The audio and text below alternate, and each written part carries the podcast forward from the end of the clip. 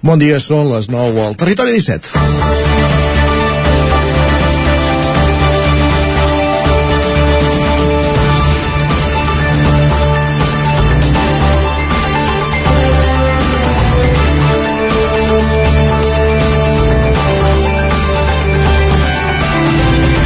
Com els alumnes de primària que tornen aquest any a les aules abans del que és habitual, després d'un acord in extremis entre el Departament d'Educació i els sindicats de l'ensenyament, també al Territori 17 comencem una nova temporada, la cinquena, i ho fem amb les piles carregades, amb ganes de continuar prenent el pols a les nostres comarques, el Moianès, Osona, el Ripollès i el Vallès Oriental.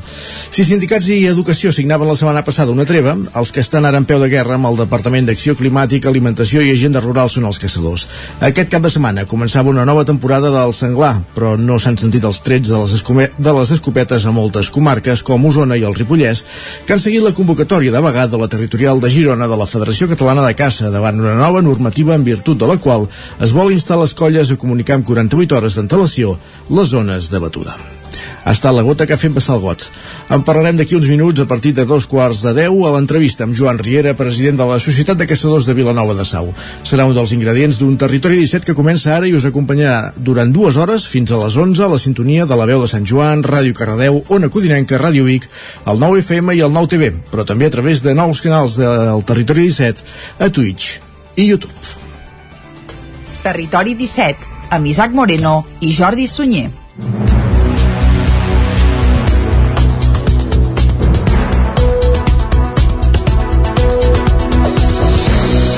Doncs vinga, passen dos minutets de les 9 del matí d'avui dilluns, dia 5 de setembre de 2022. Primer territori 17 de la temporada i, com bé deia Gisac, un territori 17 que enguany arribarà amb novetats.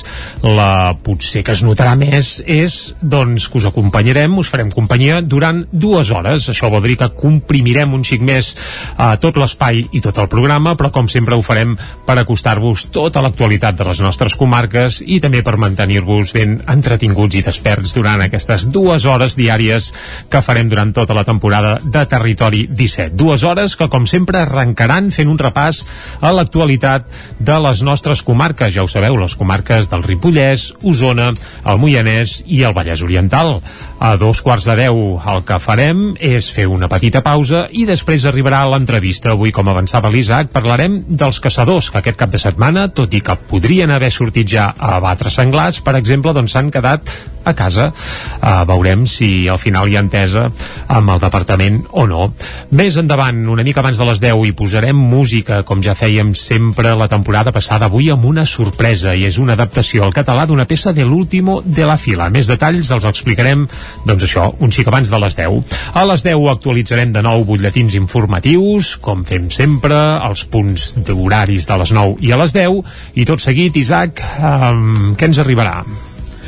Després de les 11, doncs com cada dilluns, a partir d'ara el que hi haurà és el repàs esportiu. Ens posarem al dia de l'actualitat esportiva de les nostres comarques, amb les poques competicions que han començat i les que han de començar els propers dies, doncs ja ho sé, una roda que fem en companyia de l'Isaac Muntades, la Caral Campàs, l'Òscar Muñoz i l'Ester Rovira. Doncs vinga, actualitat esportiva els dilluns, i és que el dilluns, com ja passava en la temporada passada, és un dia marcadament esportiu. Per què? Doncs perquè acabarem, com sempre, Isaac, també amb la tertúlia esportiva, eh? Exacte, un cap de setmana, una nova jornada de Lliga en què el Barça ha guanyat 0-3 al camp del Sevilla, l'Espanyol 0-1 al camp del Bilbao, el Girona va empatar 1 al camp del Mallorca i el Madrid guanyava 2-1 a casa contra el Betis. De tot plegat en parlarem amb l'Isaac Muntades, en Guillem Freixa, Lluís de Planell i l'Òscar Muñoz. Això serà dos quarts d'onze tocats, com sempre, i la farem patar esportivament parlant fins a les 11. Ara el que toca, però, no és arrencar parlant d'esports, sinó fer un repàs a l'actualitat de les nostres comarques, com sempre, les comarques del Ripollès, Osona, el Moianès i el Vallès Oriental. Com dèiem, avui gairebé 15.000 alumnes d'infantil i primària han començat a l'escola a Osona i dimecres serà el torn de 8.000 matriculats a l'ESO. Tot plegat en un curs ple de canvis i novetats. Avui ha arrencat el curs 2022-2023 per tots els alumnes d'infantil i primària, mentre que els alumnes d'ESO, batxillerats i cicles formatius ho faran dos dies més tard, aquest proper dimecres. A Osona el nou curs s'iniciarà amb gairebé 23.000 escolaritzats a l'etapa obligatòria, que va de P3 a quart d'ESO, en la línia de l'evolució demogràfica de la societat, els infants que començaran P3 són els mateixos que el curs passat. Pel que fa a la suma de l'etapa infantil i primària, la matriculació disminueix, mentre que en l'etapa d'ESO, a Osona, creix en 56 alumnes respecte al curs passat. El mateix curs s'estrenarà ja sense les mesures sanitàries per la Covid-19, però això sí, amb la incertesa que generen algunes de les novetats que s'han aplicat, com la jornada reduïda que s'ha de fer durant tot aquest mes de setembre. La implantació de nous currículums competencials o les altes temperatures a les aules en un mes calorós com el setembre són qüestions que han causat neguit en equips directius. El nerviosisme entre mestres i professors ha estat encara major pel que fa a la metodologia de les classes davant de la sentència del 25% de castellà que, segons el conseller González Cambrai, no haurà d'aplicar cap centre educatiu, justificant-ho emprant-se en el decret llei que el govern va aprovar al maig amb l'objectiu de blindar el català a les escoles. Anem cap al Ripollès perquè allà més de 2.800 alumnes comencen el curs escolar en aquesta comarca entre infantil i primària i secundària. Isaac Muntades, la veu de Sant Joan. Aquest dilluns ha arrencat el nou curs escolar 2022-2023 al Ripollès, que compta amb 2.816 alumnes, gairebé la mateixa xifra que el curs passat, repartits en 135 grups, tres menys que el curs 2021-2022. Aquest dilluns han començat les classes als nens d'infantil i primària, que en són un total de 1.836, una vintena menys que l'any passat. Destaca el lleuger augment d'alumnes d'infantil i el retrocés en una cinquantena de nens de la primària. En canvi, els alumnes de secundària, que comencen el curs el pròxim dimecres, han augmentat en gairebé en una trentena i arriben als 980 estudiants repartits en 41 grups. L'avançament una setmana del curs escolar va obligar els mestres a preparar l'inici d'aquest curs la primera setmana de juliol i no de setembre com fins ara, segons explicava el director de l'Institut Escola Mestre Andreu, Miquel Mercè. A més, per millorar la conciliació fins al 30 de setembre, l'activitat escolar només serà fins a la 1 de la tarda. Després s'oferirà un servei de menjador i de dos quarts de 4 fins a dos quarts de 5 hi haurà una hora d'activitats de lleure i educatives gratuïtes que duran a terme una sèrie d'empreses de monitoratge contractades pel Departament d'Educació.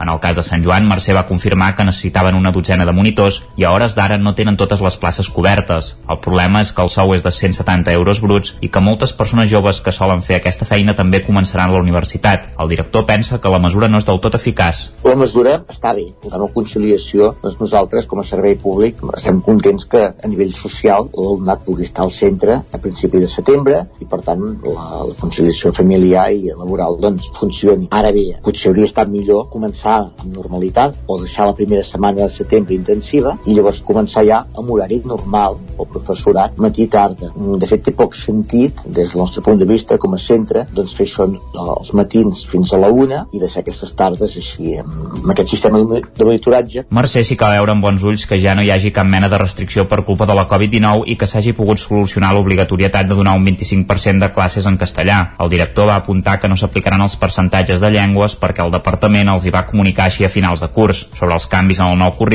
Mercè apuntava que hi havien estat treballant els darrers cursos i que ara es donava una bona ocasió per consolidar aquest treball més basat en els projectes que haurien de donar un major protagonisme a l'alumne. Més qüestions. Us expliquem a aquesta hora que encara sobre l'inici del curs, la cooperativa Bacus a Vic ha hagut d'intensificar la campanya escolar amb un problema d'abastament de llibres de text i una pujada de preus, Jordi Sunyer. Sí, pocs dies abans de començar l'escola, Abacus mostrava preocupació per una tornada que podria estar condicionada per retards en l'entrega de llibres de text, ja que algunes de les grans editorials no estan lliurant les novetats del curs a l'hora. En el cas concret de l'Abacus de Vic, que serveix llibres tant a la capital com a la resta de la comarca, no han patit un gran desproveïment. Ens en parla Lluís Codina, que és el director responsable de Bacus a Vic. L'abastiment com a tal, clar, nosaltres no, no l'hem tingut. O sigui, de tots els proveïdors o distribuïdors de text, podem dir que potser són 5 o 6 que eh, no estan complint amb els, amb els tempos que s'havien pactat que això evidentment eh, han, han afectat i des de Bacus estem, estem intentant racionalitzar-ho mm, toquem fusta i creiem que el mes de setembre estarà tot i, i assumim la, la corresponsabilitat. Però creiem que quedarà tot solucionat a principis de setembre Cooperativa ha anticipat la campanya i les promocions escolars pel canvi en l'avançament del curs. Estoig, motxilles, llibretes o material d'escriptura són els productes amb més demanda. Tot i això, en aquests no hi ha hagut cap tipus d'incidència ni inconvenient. Alguns clients, però, es queixen de l'alçada de preus i de la dificultat econòmica que sofreixen els estudiants en aquest inici de curs. Ens explica la seva opinió Hanna Asbai, futura estudiant d'auxiliar d'infermeria. Hi ha alguns llibres que valen molt i que hi ha gent que, per exemple, amb pocs recursos no es podrien arribar a comprar o que arriben a comprar de segona mà i hi ha algunes coses que diguem que són accessibles. Segons Abacus, però, han pogut contenir parcialment la pujada del 6% dels preus a conseqüència de la inflació, fent tot el possible per mantenir els preus que ja hi havia l'any passat.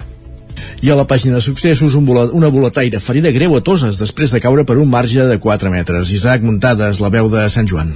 Aquest diumenge, una boletaire va resultar ferida greu després de precipitar-se per un marge de 4 metres d'alçada. Els fets van passar quan passaven poc més de 10 minuts de les 11 del matí a Dòrria, quan la dona va patir l'accident. Immediatament, el grup d'actuacions especials dels bombers de la Generalitat van desplaçar-se cap al lloc dels fets per traslladar-la cap a l'Hospital Doctor Trueta de Girona. En el rescat van participar-hi dues unitats terrestres i un helicòpter medicalitzat, que va evacuar-la amb una llitera mitjançant la tècnica de gruatge. Vic ha rebaixat a l'agost un 11% el consum d'aigua respecte al mateix període de l'any anterior. Tot i així, a Osona i el Ripollès continuen les restriccions d'ús a causa de l'alerta per la sequera, de fet a tot el país. Mm -hmm. Quan s'ha complert un mes de l'alerta per sequera decretada per l'Agència Catalana de l'Aigua a la capçalera del riu Ter, la manca d'aigua continua sent un problema, però les mesures per reduir-ne el consum han fet el seu efecte. Així ho certifica, per exemple, Aigües Vic a través de les dades de consum dels municipis que gestiona, que són Vic, Gurb, Muntanyola i Santa Cecília de Volta Voltregà. El fet que en aquestes poblacions ja s'apliqui en la seva totalitat la telelectura de comptadors fa que es puguin tenir dades molt detallades diàries del que succeeix i el que hi passa, comparant aquest agost amb el de l'any passat, és que s'hi ha detectat una reducció important del consum. A Vic, per exemple, la utilització d'aigua ha baixat un global de l'11%, una tendència que es repeteix a Gurb, amb una davallada del 9%, a Muntanyola, amb un 17% d'estalvi, i a Santa Cecília de Voltregà, on ha baixat un 22,5%. 0,5%. Tot i que encara no disposen de la totalitat de les lectures, des d'Agbar, que gestiona 14 poblacions a Osona, entre elles Manlleu, coincideixen en el fet que els avisos dels ajuntaments i la pedagogia del que calia fer per reduir l'aigua utilitzada ha tingut conseqüències positives entre la població. Tornant a les dades de consum facilitades per Aigües Vic, s'hi detecta clarament un punt d'inflexió en l'ús d'aigua just en el moment que es va decretar l'estat d'alerta per sequera, l'última setmana de juliol. En aquest sentit, i comparant amb el mateix període de l'any passat, cal destacar la retallada que apareix en el consum municipal, on es van tancar fons i recs automàtics, i també en l'àmbit agrícola i ramader, on la reducció ha estat del 13%. Pel que fa a l'industrial, ha baixat un 11%, i en les petites i mitjanes empreses, un 6%. Pel que fa a l'ús domèstic, la baixada va ser del 4%. Més qüestions, els Mossos d'Esquadra han detingut dos homes i una dona arran d'una plantació de marihuana en una casa de Sant Pere de Vilamajor, al Vallès Oriental. Òscar Muñoz, Ràdio Televisió, Cardedeu. Els Mossos d'Esquadra de la Unitat d'Investigació de l'Àrea Bàsica Policial de Granollers van detenir a una dona i a dos homes d'entre 29 i 48 anys com a presumptes autors d'un delicte contra la salut pública i d'un delicte de defraudació de fluid elèctric, arran d'una plantació de marihuana en una casa de Sant Pere de Vilamajor. L'inici de la investigació es remunta el 14 de juliol, quan els agents de l'Unitat de Seguretat Ciutadana de Granollers van adreçar-se a l'urbanització de Can Ram, a Sant Pere de Vilamajor, per un incendi en un pal elèctric. Els Mossos van comprovar que el foc havia estat provocat per una sobrecàrrega elèctrica, causada per una connexió il·legal a la xarxa general molt possiblement com a conseqüència d'una plantació de marihuana a l'interior d'un dels domicilis propers. La investigació va permetre corroborar les sospites inicials i ja amb tota la informació recopilada, dilluns es va dur a terme dues entrades i escorcolls en domicilis del municipi amb resultat de la detenció de tres persones, així com la localització de 513 plantes de marihuana, una bossa amb 903 grams de marihuana, una bàscula de precisió i una escopeta de balins. Un dels detinguts tenia vigent un requeriment judicial de detenció i ingrés a presó. Els detinguts van passar a disposició judicial dimarts davant del jutjat d'instrucció en funcions de guàrdia de Granollers. El detingut que tenia vigent el requeriment judicial va ingressar a presó. La linotaire Pilarín Vallès crea un mural a la plaça Major de Calders, on les entitats del poble són les protagonistes. Una codinenca, Caral Campàs. Caral Campàs. Caral Campàs. Caral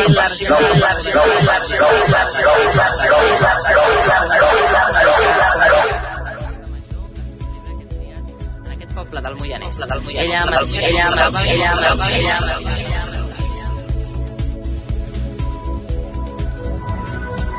eh, no podem fer eh, no podem fer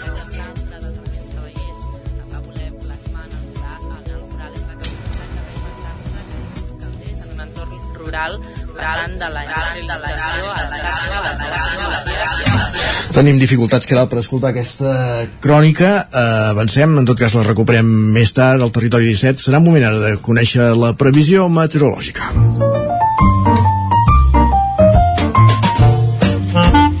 Casa Terradellos us ofereix el temps.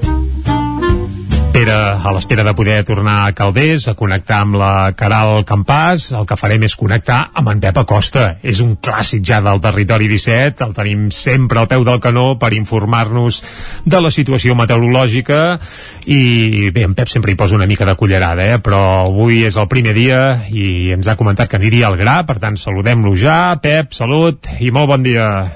Hola, molt bon dia amics oients, què tal esteu? Uh. Espero que hagi anat bé aquest estiu Uh, espero que tingueu ganes d'escoltar-nos. Uh, jo també he de fer la previsió del temps. I a, a què podem dir d'aquest estiu? Eh? Uh, un estiu molt, molt calorós, de, dels més calorosos de la història des que hi ha dades, i sec, sec fins al mes d'agost.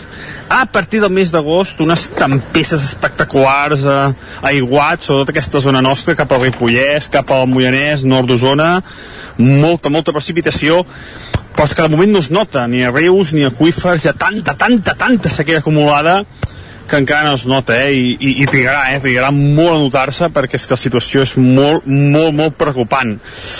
I avui, avui no hi posarem remei. Avui poden caure quatre gotes, sobretot a la tarda, molt poca cosa, i continuem amb aquesta calor, amb aquesta calor, jo diria disparada, superarem els 30 graus novament, les mínimes fins i tot superiors als 20 graus a moltes zones, sobretot al Vallès, d'Osona i també Mollanès, el Ripollès eh, més, eh, més suavitat, però aquesta calor que no fluixa, que continua, i avui també serà la protagonista. Adéu, bon dia. Doncs pendents de la calor, mira, mira que en Pep que li agrada tant els moviments meteorològics va, el va estar tan, va, tan poc tranquil eh, tan tranquil eh, tota la temporada passada i hem passat l'estiu que hem passat sobretot aquest mes d'agost sí. que no ens l'ha pogut comentar i avui torna i tranquil·litat, home. No, no, portàvem un agost on pràcticament ha plogut algun racó del territori 17, jo crec que ha caigut aigua cada dia.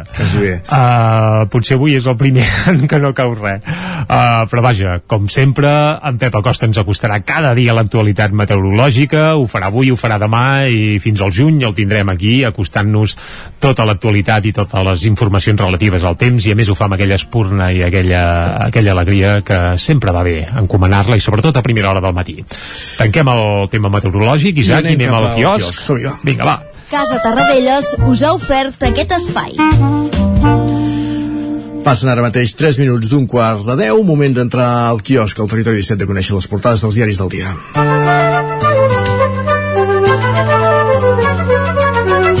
Doncs va, ja som al quiosc, metafòricament parlant, evidentment, i avui, com que és dilluns, el que farem és començar repassant les portades del 9-9. El 9-9, que recordem-ho, a l'agost no hi havia edició dels dilluns, però eh, comença el setembre i el 9-9 torna puntual cada dilluns i cada divendres als quioscos. I comencem per l'edició d'Osona i el Ripollès d'aquest dilluns, del 9-9, la de color vermell, que titula Osona i el Ripollès tanquen l'estiu de més calor des que s'entenen registres, una peça que la podria haver certificat i firmat en Pep Acosta, però bé, no, no, és el cas i s'explica que els meteoròlegs adverteixen que es donen les condicions perquè la tardor també sigui de fenòmens extrems. Per tant, qui avisa no és traïdor. Aquesta tardor hi podria haver sorpreses, però és que clar, ja n'hem tingut tantes aquests dies, pedregades gegantines, etc etc, uh, tempestes virulentes calorades doncs bé, a la tardor podria haver-hi més sorpreses i els meteoròlegs ja ens n'alerten, eh? En Pep Acosta, demà també tindrem en Manel Dot, com teníem cada temporada aquí a Territori 17, i en podrem parlar una mica, aviam, què ens espera per aquesta tardor. Cada moment, Isaac, deixa'm fer un incís. Uh, pel que fa a bolets, els que ens interessa el tema, doncs pinta prou bé, perquè ja se'n fan alguns, sobretot uh, a les capçaleres del Ripollès, a partir de 1.500-1.600 metres, comencen a sortir, sobretot ceps, n'hi ha una bona florida. Sí, sí, he vist començar a veure fotos. Però sí, sí. no, no direm res més, no fos cas que la gent se'ns esbarés i ens els agafés tots. Va, fet aquest apunt meteorològic, seguim repassant la portada del 9-9, el titular principal era per aquest, pel temps, però la fotografia és per motxilles carregades per tornar a l'escola, i és que avui és el dia de tornar a l'escola no per tothom per això, eh? Els alumnes de Sant Vicenç de Torelló avui eh, fan festa també, perquè és festa local, festa major, per tant no arreu del territori 17 tornen avui a l'escola, sinó que alguns ho faran demà. I ho explico perquè em toca de prop aquest cas, però vaja. Fet aquest apunt, va, més coses. Seguiment massiu de la vaga de caçadors del senglar. En parlarem a l'entrevista d'avui aquí a Territori 17 i és que els, els caçadors mantenen el pols amb la Generalitat per una nova norma que els obligaria a comunicar amb dos dies d'antelació on faran les batudes del senglar. Aquest diumenge, en teoria, havia de començar la temporada, però en comptes d'agafar l'escopeta el que van fer els caçadors és agafar les pancartes i es van reunir o es van citar doncs, eh, davant d'alguns dels ajuntaments per exemple, en el cas de la fotografia que es pot veure al 9-9 a davant de l'Ajuntament de Tavernoles. Més coses, demanen 6 anys de presó a l'acusat de calar foc a la porta de l'església del Carme de Vic i també els aldarulls a Sant Hipòlit porten el regidor de festes a demanar que li retirin la cartera, és a dir, vol plegar. I també el Torelló, primer equip usonenc, subcampió de la Copa Catalunya, en aquest cas de futbol femení. I també apareix a la portada que la pintora Eulàlia Llopart guanya el 80è Premi Centelles, en aquest cas de pintura. Anem cap al Vallès Oriental, titular principal del 9-9, l'agost més plujós en mig segle al Montseny. Això sí, incapaç de posar fi a la sequera, tot i que ha sigut un agost amb eh, molta pluja, la sequera eh, no dona treva. Per tant, eh, ja ho apuntàvem també ara al bloc informatiu, encara estem en alerta per sequera, per tant, per molt que hagi plogut i que tot estigui una mica remullat, els aquífers no són plens i els rius tampoc, i els pantans encara menys. També a Puigdesolles, al Vallès Oriental, va ploure 10 vegades més que l'any passat per tant, té la marinera, multipliquem per 10 el que va caure l'agost del 2021 amb el que ha caigut aquest 2022, i aviat és dit.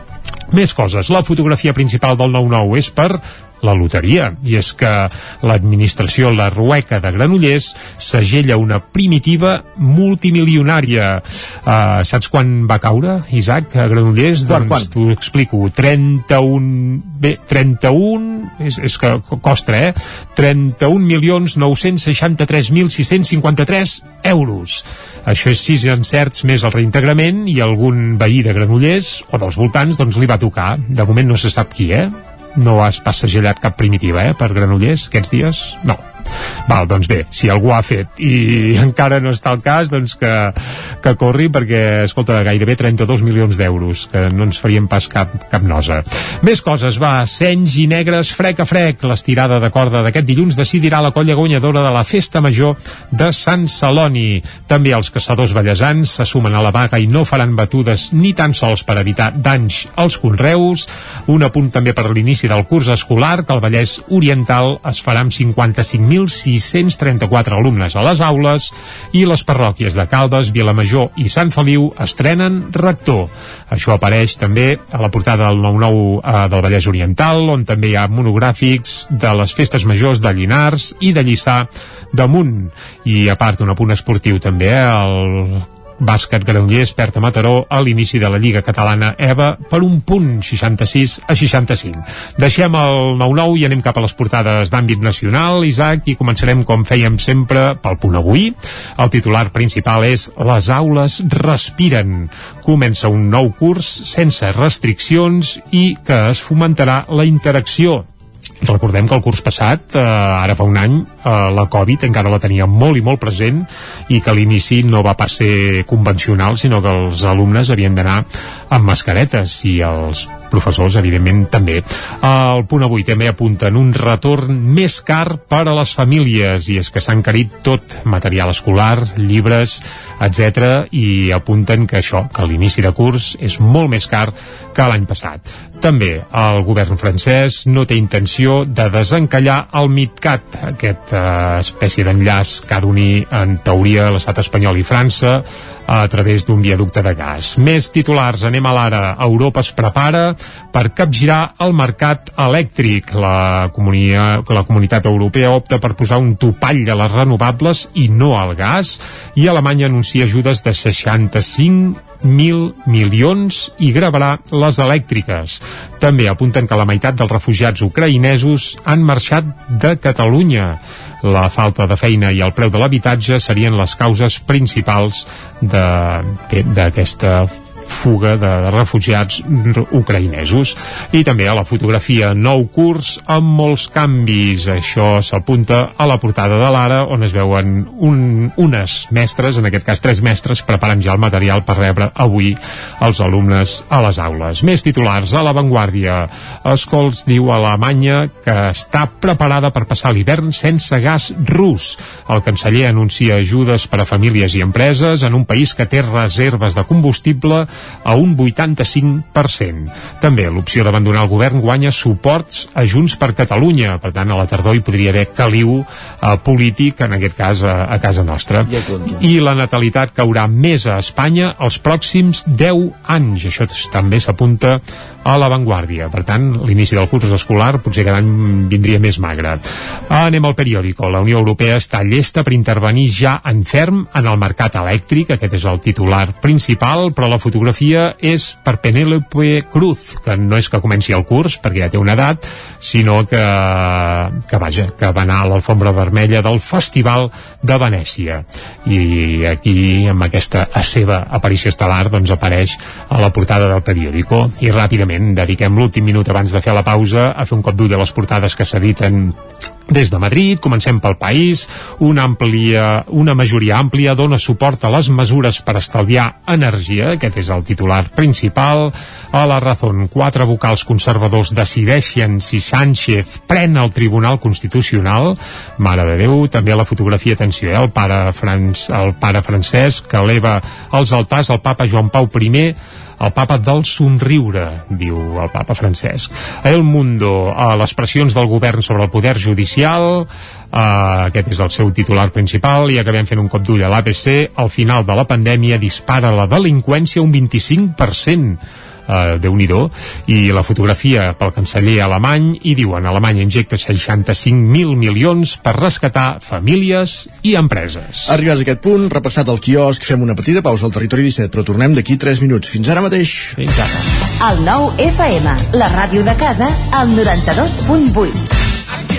Amb Pradell estalvio energia i cuido la meva butxaca i el medi ambient. Posa't en mans a Pradell, són experts en calderes de gas i condensació, estufes de pelat, energia solar, terres radiants i geotèrmia. Pradell instal·la calderes de biomassa per a particulars i per a empreses. Si vols estalviar un 50% en consum, contacta amb Pradell i passa't a les energies renovables. Pradell som a l'Avinguda Països Catalans 27 de Vic.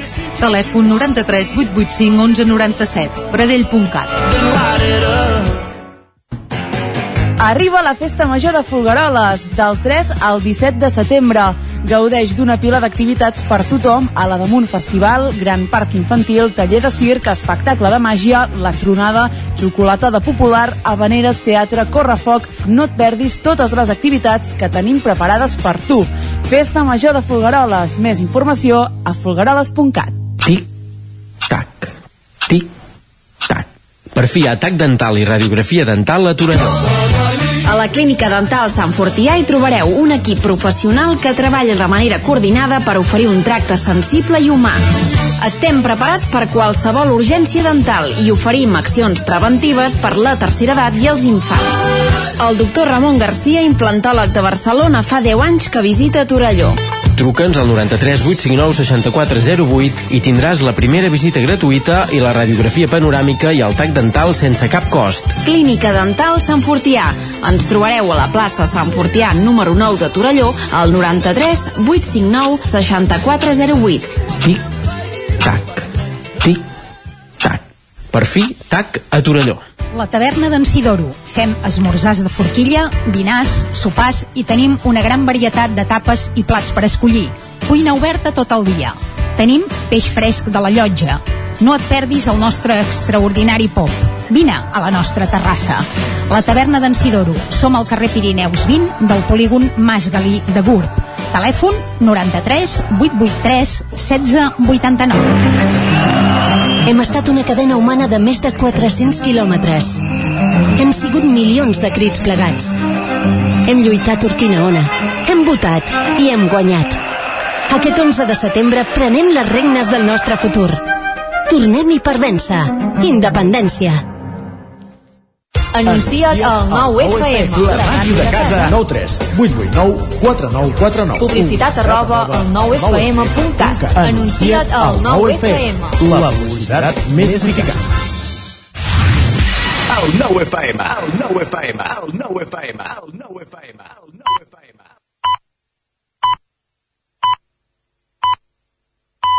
Territori 17 A Tren d'Alba.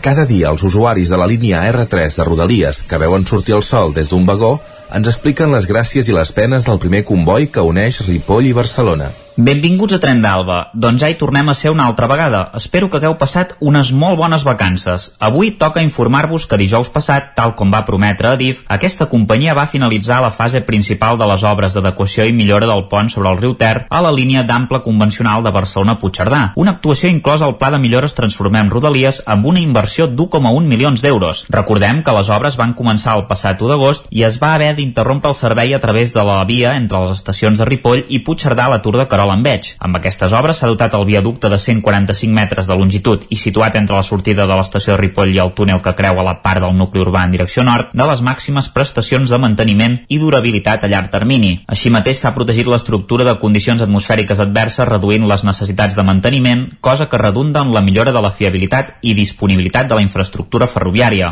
En el transcurs de les obres també s'ha dut a terme la neteja, regularització i impermeabilització de l'estructura amb la tècnica denominada poliuera, que ofereix més durabilitat per a aquest tipus d'estructures. Per això ha estat necessari aixecar la superestructura de la via per a la seva posterior restitució en òptimes condicions geomètriques. També s'ha sanejat les zones més malmeses a les capes de formigó dels paràmetres inferiors i laterals de l'estructura, restituint la seva funció protectora, i s'han realitzat injeccions de morter per a la millora estructural. Va, us deixo amb la crònica d'en Jordi Valls d'avui, que també li ha tocat tornar a la feina. Bon dia, sóc en Jordi de Centelles. De nou, aquí, m'han tornat a enredar.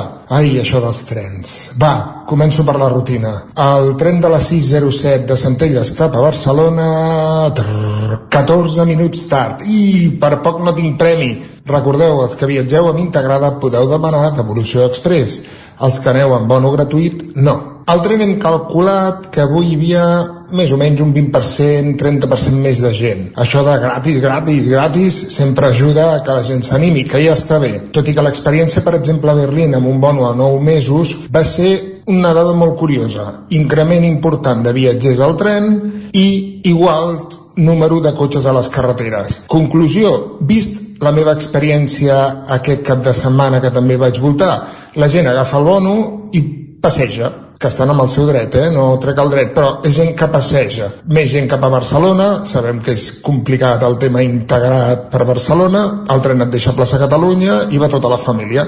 Cap problema. Una aventura més. Comencem de nou i tot allò que es dirà avui, escoles, que vagi molt bé, santa rutina, mala rutina...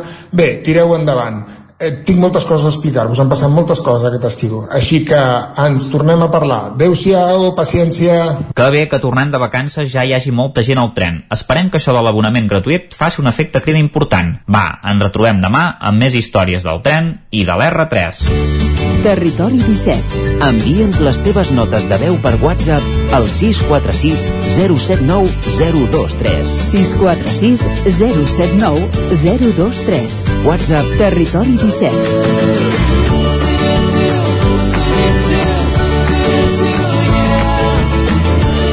Territori 17.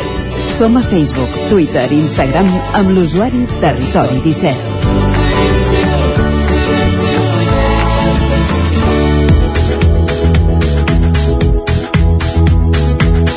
Gairebé 4 minuts que passen de dos quarts de 10 del matí i el que fem és tot seguit anar cap a l'entrevista. Avui, com us avançàvem a la portada, parlem de caces, de caça, parlarem de, de senglar i ho farem amb el president de la Societat de Caçadors de Vilanova de Sau, en Joan Riera, que alhora també és l'alcalde de Vilanova de Sau, però per aquesta protesta, aquesta vaga de les societats de caçadors davant les noves mesures que aplica el Departament d'Acció Climàtica per, per, la, per fer caça i que ha estat una mica la, la gota que ha fet vessar el got aquest cap de setmana no hi ha hagut eh, dispositius de cacera. Joan Riera, bon dia. Bon dia. Uh, és així, eh? Uh, esteu en desacord amb les noves mesures aplicades pel Departament, entre d'altres una que fa que us demanin que anuncieu en 48 hores l'espai on teniu previst fer, fer les caceres. Sí, és així. Però això és el famós punt 8.3, uh -huh. que això ha estat el detonant de tot això, però ja és un, el d'allò de la vaga ja és una cosa acumulada de fa molt temps. Bàsicament això del 8.3 és una cosa política que volen fer doncs, perquè ens tinguin allà eh, marcats en un mapa, tot bé d'aquest accident, que malaurat accident, que hi va haver Argentona l'any passat, però el problema és que les coses es fan sense consultar, sense imposicions i que després no funcionen. Uh -huh. Exemple, que cap de setmana el dispositiu que hi havia per la web, tu, Isaac, mateix et podies posar el teu nom, inventar-te un nom, un DNI, un número de telèfon, el que vulguis, i allò sortia publicat igual penso que la falta de respecte ja és màxima, haver sortit una cosa que no va ni amb rodes i que a més a més es pot manipular de totes les maneres, si creem una eina ha de ser mm, que sigui bona i si no, no val la pena que ho fem. Mm -hmm. Perquè entenem que aquestes mesures aplicades pel Departament són per, perquè hi hagi una bona convivència entre tothom que és a bosc, caçadors, excursionistes, eh, aquesta és la idea, passa que no s'ha fet, amb, sí. no fet de la millor manera pel que vosaltres dieu, oi? Bueno, sí, aquesta és la idea que tenen ells, però el que no tenen clar, i encara no ho han entès, que fa molt temps que ho estem reclamant nosaltres i des del món rural i tots els temes dels propietaris i els pagesos, que el 80% de tot Catalunya és propietat privada. I com que és propietat privada, tu a casa teu decideixes què hi vols fer i què no hi vols fer. I nosaltres som els únics que tenim un document firmat pel propietari per, per caçar allà, perquè ens ho autoritza el propietari, perquè els cotos sempre han set sí que n'hi han de privats, que hi ha gent que paga per, per segons quines coses i d'allò, però en el cas dels pobles t'explico com funciona, que són els pobles, que els propietaris del poble ho cedeixen al poble, vale? perquè hi caci la gent del poble, i llavors aquí ho regulen. L'etiqueta de caçador no vol dir que tu puguis anar a caçar a Vic, a Sant Bartomeu del Grau o a Barcelona perquè ets un caçador. No, no, no. Que aquí hi ha unes taxes, hi ha una sèrie de, de preparassa i burocràcia que s'ha de fer i som els que anem assegurats. Al medi tenim totes les autoritzacions i del propietari. En canvi, la gent que té bicicletes, que va caminar i que fa totes aquestes històries es gaudeix que es pensen que la natura és de tothom i no, té un propietari. Vull dir que aquí és on hi ha el conflicte i que cada cop estan més... La gent està més cremada amb tot això. Uh -huh. Vull dir que això ha estat un dels, dels detonants de, de tot això. I ara què? Aquesta és la, la situació. Eh, al bosc hi ha més senglars que mai, però en aquest cas els caçadors esteu en vaga. Fins quan ha durat el plegat? Fins que el departament reconegui la tasca que fem que ens reconegui com a col·lectiu i penso que el que els ha sobrepassat és que malauradament ells anaven fent de parlar amb les federacions i, i totes les històries anar arribant a coses que no els escrivien mai sempre t'explicaven el que volia que sentissis a dir però no ho escrivien mai què ha passat? Que com que aquestes reclamacions et venien a la federació deia, oita, que l'any que ve fareu això. Una de les coses que tenim és els nuclis zoològics dels gossos. Ells ens diuen que nosaltres podem tenir nou gossos sense ser nucli zoològic. Mentida. Perquè a partir de 3 hi ha una llei que diu que si algú ens denuncia ho hem de fer i ho hem de pagar. Després també hi van haver una sèrie de sancions que se'ns van posar l'any passat quan que Marc Costa estava al capdavant de tot això, eh, dels agents rurals amb tots els accidents que van passar, que són una autèntica borrada i que no tenen cap ni peu sense haver consultat, doncs estan vigents i ens sancionaran si ens passa això. Doncs tot això ha estat aquests factors que se'ns han acumulat i no és que sigui el 8.3, sinó que podria ser qualsevol altra cosa, és del dir que no, i el plantejament de part de les federacions, perquè aquest moviment ha sortit dels caçadors, de baix, de la gent que estan farts d'aguantar tot això, doncs estem aquí. I quin és el plantejament? Des del moment que ens assentem amb l'administració i que tots aquestes mancances que hi ha de fa anys, dels diferents directors generals que han anat passant, doncs es posin en un paper i ja sabem que hi ha coses que no se solucionen d'un dia per l'altre, però que sí que si hi ha una voluntat d'escriure-les i de fer, doncs eh, es poden solventar. Però perquè el que sí que està clar, i, i si vosaltres també ho, ho defenseu, és que els caçadors, agradi o no, fan una funció social, ara mateix amb tot el, el problemàtic que, que, que hi ha al bosc amb el senglar i altres animals, oi? Sí, més que tot eh, ens fan fer una feina que si hi ha un propietari que es queixa i d'allò, doncs ens venen i ens diuen tu hauríeu de mirar de fer una batuda i nosaltres som els primers a col·laborar i ajudar perquè en definitiva molta de gent que va caçar és prové del món rural o que té pagesos i a mi em sap molt greu que un pagès del meu poble doncs li hagin de fotre tot a tomar pel sac eh, amb els costos que hi ha ara doncs per culpa d'això, però és un moment que potser doncs, a, a través d'Unió de, de Pagesos també doncs, que ens vagin posant que en definitiva tots anem amb el mateix vaixell perquè ens trobem amb el, amb el dia a dia. I és això, és una cosa que hem, hem de posar-hi, penso que ha arribat el moment que hem de posar-hi dates i, i assentar-nos i que reconeguin una mica quina és la situació. Entenc que políticament és molt complicat, com jo he parlat amb el director general i he dit, perquè tenen presa, molta pressió del món dels animalistes i tot, però nosaltres necessitem un respecte i, i sé que som una minoria que els vots no, no els assumen tant els d'aquí com els d'allà, però que això és casa nostra i que potser ens comencin a escoltar. Uh -huh. uh, hi ha previst alguna reunió ara mateix per intentar desencallar la situació? Uh, aquesta setmana suposo que alguna cosa o altra passarà perquè com que ve els mitjans, per exemple, ahir mateix a Tavernoles hi va haver un accident d'un senglar amb un cotxe, pues si hagués començat a caçar, haguessin fet batuda en aquells camps que hi havia, doncs aquest porc anava a la nit i va afectar amb un cotxe. No va ser un accident greu, per sort, però pot provocar tot això causa molts danys. Uh -huh. Vull dir que... I llavors jo penso que aquesta setmana ells també es pensaven que com a col·lectiu, com que moltes hores ha estat dividit, doncs que ara està tot unit. Saps què vull dir? Anaven un a l'altre i un sortia. I això s'ha acabat. Estem al segle XXI, la gent ens parlem, i abans que hi havia tanta rivalitat amb les colles veïnes de la caça i totes les històries, doncs això ha anat molt a menys, i al cap i la fi és, és una cosa que ho fem que, eh, perquè és el nostre esport i el nostre lleure, però en definitiva sempre amb el respecte. Vull dir que, clar, per exemple, en aquest cap de setmana una de les protestes de ser llegir els manifestos, però hi ha gent que ha anat a netejar camins i, i a treure basura. Uh -huh. Jo de molta gent d'aquests que s'omplen la boca d'anar al medi, jo no he vist cap dia que facin coses d'aquestes així. Vull dir que una mica és, és això. Uh -huh. Uh, ara estem parlant d'aquest fet puntual del moment. Les problemàtiques amb els senglars ja fa anys que, que s'arrosseguen i, i que duren. Uh, què ho fa? Que, és a dir, que no es doni l'abast a, eh, a reduir la cabana com, com es desitjaria, no? Diguéssim, perquè vosaltres hi sou cada temporada a, a caçar, es, es mata, sí, es, treu, es treu molts animals del bosc, però n'hi continua havent. El que està clar és que nosaltres a caçar no s'acabaran. Això està, és un problema gros i s'han de prendre d'altres determinacions. Hi ha un pilot de factors que s'ajunten aquí, doncs l'abandonament del món rural, abans fa 50 anys totes aquestes cases estaven plenes de gent que aprofitaven fins l'última gla i hi havia carboneres i no sé què, ara. Tot quedat invadit de bardisses i aquests animals no tenen depredador, ja ho sabem, però és que a part d'això jo el que dic sempre, les persones eh, quan hi ha bonança doncs tenen més canalla i aquí passa el mateix, quan aquests animals tenen el rebost que poden menjar glans, castanyes, faja, el que vulguis i tenen aigua, eh, blats de moros i blats, doncs els reprodueixen molt més. Vull dir que, i molts diuen, no, és perquè estan creuats, no sé què, mentida, perquè quan tenen una alimentació que és alta en proteïnes i, i tot això, doncs crien molt més. I és el problema que hi ha a Barcelona. A Barcelona per què crien? Hi ha una llei que diu que si tens menjar els animals eh, els han de multar. Jo encara no he vist cap munt a Barcelona que, que, que hagin fet que hi ha gent que els donen vídeos i totes les històries.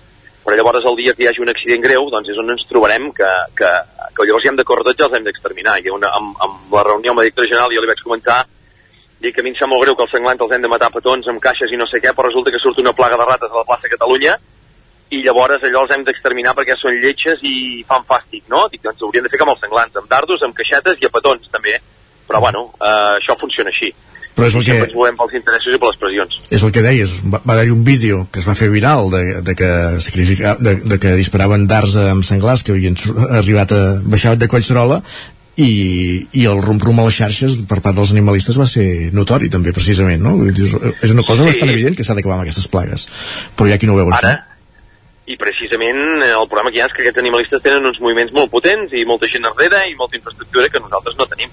Però per això nosaltres el que demanem és el respecte, perquè nosaltres som els únics que, eh, com he comentat abans, estem assegurats, eh, senyalitzem, nosaltres ja senyalitzem les batudes. A nosaltres, en llocs de caminar, hi havia un caminador que hi ha una batuda que s'esperi, que canvi de ruta o que puja per un altre cantó, ens han dit de tot.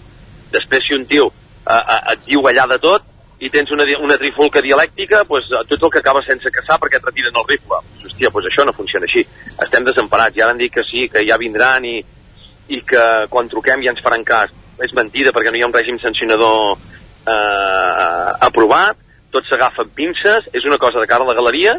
I sabem que si truquem no vindrà ni cap mosso ni cap agent rural si tenim un conflicte allà al mig perquè sabem que a la comarca hi ha els efectius que hi ha, jo parlo a nivell de comarca, però a tot arreu et trobes igual perquè tot arreu van amb una, amb un esclop i una espardenya.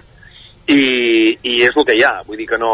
Sempre quedem desemparats i els mateixos som els que, que quedem sempre d'allò. Per això ha arribat un moment que hem dit prou i a veure si podem arribar a alguna cosa. A la, la part de dialogar per tothom i arribar a acords, pues, eh, no hi ha cap mena de problema, però penso que són ells els que han de, de fer. I un dels fallos que van fer és que ens van dir que tot això ho havien notificat eh, a través de les federacions, però què passa? Que hi ha moltes societats de caçadors que no estan federades i no els hi ha arribat l'informació. Vull dir que vaig dir, aquí és el primer fallo que heu fet, de, de dir que ho heu enviat a tothom i no ho té tothom. Vull dir que no podeu dir que és una encerrona. És que hi ha gent que no té informació i quan s'ha començat a entrar tots aquests problemes, doncs, lògicament tothom s'hi uneix. Joan Riera, president de la Societat de Caçadors de Vilanova de Sau, gràcies per ser avui al Territori 17 i aviam si la cosa té solució en els propers dies. Gràcies i bon dia. Moltes gràcies. Uh, bon dia a vosaltres i gràcies per donar-nos a veu. Acabem aquí l'entrevista ara mateix un minut perquè siguin tres quarts de 10 del matí anem cap als solidaris. Territori 17, el 9 FM, la veu de Sant Joan, Ona Codinenca, Ràdio Cardedeu, Territori 17.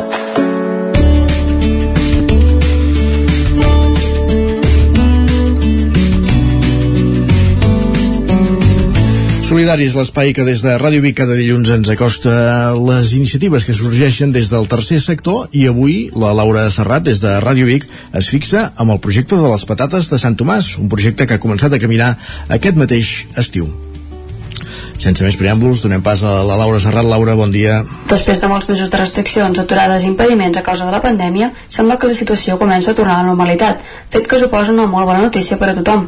Entre qui més podrà aprofitar aquest desbloqueig hi podem trobar el teixit social, que torna a agafar aire i obrir nous horitzons i projectes amb la mateixa il·lusió, si no fins i tot més, que abans de l'esclat de la Covid-19. Al programa Solidari celebrem aquest desbloqueig i iniciem una nova temporada radiografiant el teixit social de les nostres comarques, posant l'ull precisament en un nou projecte iniciat per l'entitat social Sant Tomàs, ja bastament coneguda en aquest programa. Avui posarem l'ull en una nova iniciativa productiva que la seva empresa d'inserció ha tirat endavant recentment, la fabricació de patates fregides. Aquesta nova línia se suma a totes les que ja caracteritzaven l'empresa i avui des de Ràdio Vic i a través de l'antena del Territori 17 en coneixerem tots els secrets tot parlant amb en Ricard Aceves, director general de l'entitat. Aceves comença fent-nos 5 cèntims de com funciona tot aquest projecte que passa per l'empresa TAC Osona. El TAC Osona és un centre especial de treball en el qual treballen eh, persones amb, amb tot tipus de discapacitat, preferentment intel·lectual, que ja té una llarga història, eh, perquè es va, es va, va començar a funcionar als anys eh, 90 i que en aquests moments doncs, estem en un procés de, de llançament d'aquest nou producte, que són les patates, les patates fregides, que volem que ajudi a visibilitzar el nostre projecte i per una banda i per l'altra banda també que permeti crear oportunitats laborals amb un producte propi que ens doni un orgull de, de pertinença en els, en els nostres treballadors.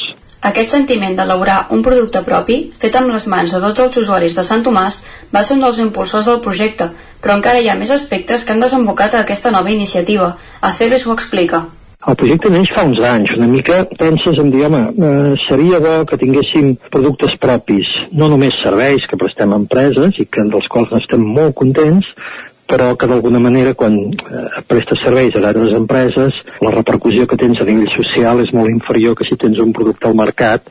I si a més a més aquest producte que tens al mercat és un producte tan popular com poden ser les patates fregides que les trobes a tots els lineals del supermercat millor.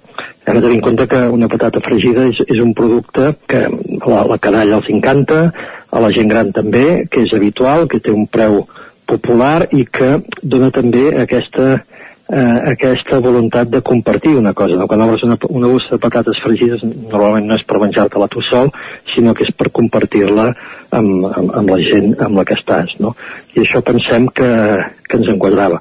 I és que, de fet, els camins de Sant Tomàs i el de l'elaboració de patates semblava que estaven predestinats a creuar-se, ja que l'arribada d'aquesta peculiar hortalissa va estar molt relacionada amb els orígens de l'entitat és curiós, eh? però una mica allò, quan mires a la història resulta que, que veure, que eh, vam estar llegint un, uns textos d'un historiador d'aquí de la comarca, que és en Santi Ponce, que explicava que eh, recollia uns textos escrits del 1900 que explicaven que les primeres patates que van arribar a la plana de Vic van ser en els horts de, del monestir de Sant Tomàs Riu de Peres, que com ja sabeu és el, el monestir que ens ha acabat donant nom a la nostra entitat. Aquestes patates van arribar, en aquell moment hi havia els, els pares franciscans, els ponjos, i van arribar a través de la seva ordre i en concret van venir, de, de, van arribar per França, vull dir que és curiós que en aquest cas, eh, a la comarca d'Osona, hem trobat textos que diuen que la patata es va introduir al monestir de Sant Tomàs de Rodaperes, en concret en els, en els horts de Sant Tomàs,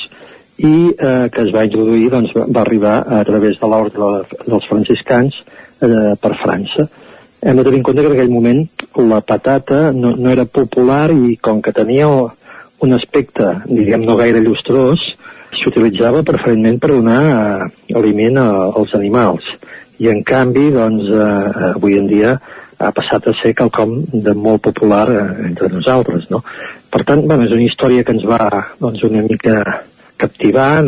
Un dels aspectes que també va ajudar a fer el pas va ser l'estat del mercat de patates fregides, ja que és un mercat madur i on, segons Acebes, Sant Tomàs podia portar-hi una més a més centrat principalment en la qualitat i la proximitat. Quan veient-ho no hi havia ningú del, del sector social que estigués fent aquest producte i ens va semblar doncs, bueno, que tot i ser un producte eh, diguem, molt, un mercat molt madur i molt consolidat, que hi podíem tenir un forat, no?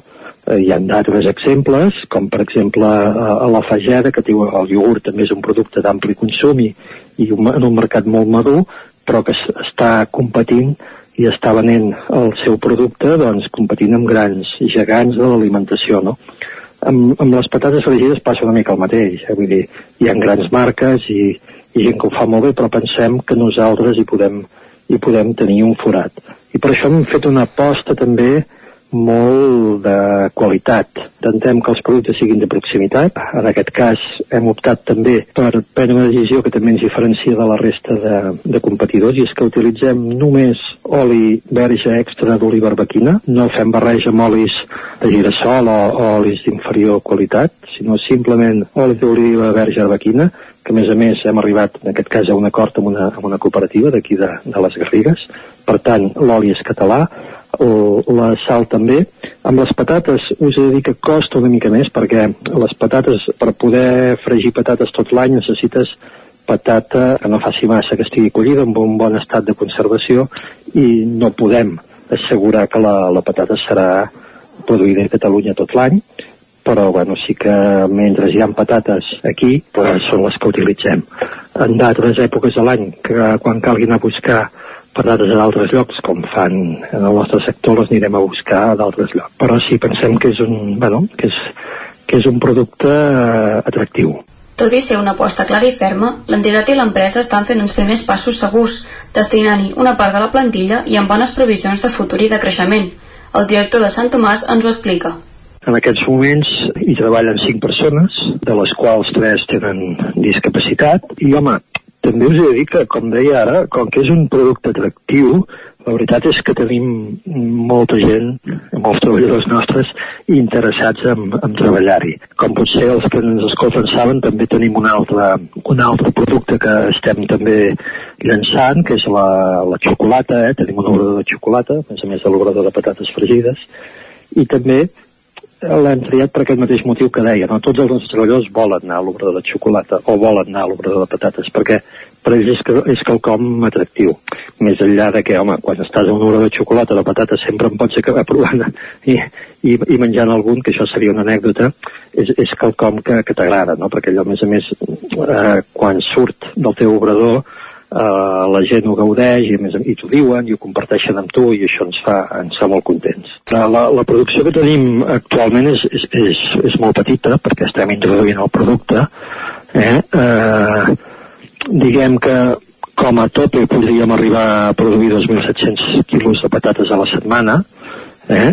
Però actualment, com deia, estem introduint el producte. Eh? Ara hem començat eh, tot just fa, fa uns dies, aquest mes d'agost, hem començat eh, els bons preus a la comarca d'Osona i una mica de, de, el que podem veure és que de moment estem tenint, tenint molt bona resposta que hem tingut valoracions que els compradors ens estan fent molt bones, la gent les troba molt bones i això ens està animant molt Eh, també ja hi ha una desena d'establiments comercials i hostaleria de la comarca que ens ho han demanat i han començat a vendre patates i, i bé, eh, de moment les perspectives són molt bones perquè la gent realment troba que és un producte bo, a més a més un producte social, que això doncs eh, sempre agrada, l'important és que el producte és molt bo. Si no fos molt bo, eh, no en vendríem. Eh? I de moment, eh, repeteixo, estem, estem molt contents. Les patates segueixen el camí d'altres iniciatives que, de moment, estan donant molt bons resultats a l'entitat solidària, que té iniciats diferents projectes centrats principalment en la feina feta a mà per tots els seus treballadors. ACBs ens els detalla. En el cas de la xocolata, és un projecte eh, molt artesanal, perquè també ho permet eh, el, el procés. Tenim un xocolater, en, en Jordi, en Jordi Ortiz, que està desenvolupant productes i estem centrats en tot el, el que seria la qüestió de, de, de, per Nadal doncs, fer torrons de xocolata, eh? és el, el, el, el que estem fent. Després, per Pasqua, fem mones i ous de xocolata. Eh, per Sant Jordi tornem a fer algunes coses roses, etc. Estem també treballant amb, amb una línia de, de rocs de les roques de Sant Tomàs, eh, rocs de xocolata, que és ametlla eh, tallada i, i banyada amb xocolata, tot sempre en producte de la, de la màxima qualitat, en aquest cas també producte que, que adquirim a, a Xocovic, eh, per tant també la, la matèria prima ve d'aquí de la comarca d'Osona i, i a partir d'aquí doncs, bueno, nosaltres treballem aquesta xocolata i l'estem venent. Eh, sempre hi busquem el valor afegit de la participació de les persones eh, que, que formen part del nostre col·lectiu.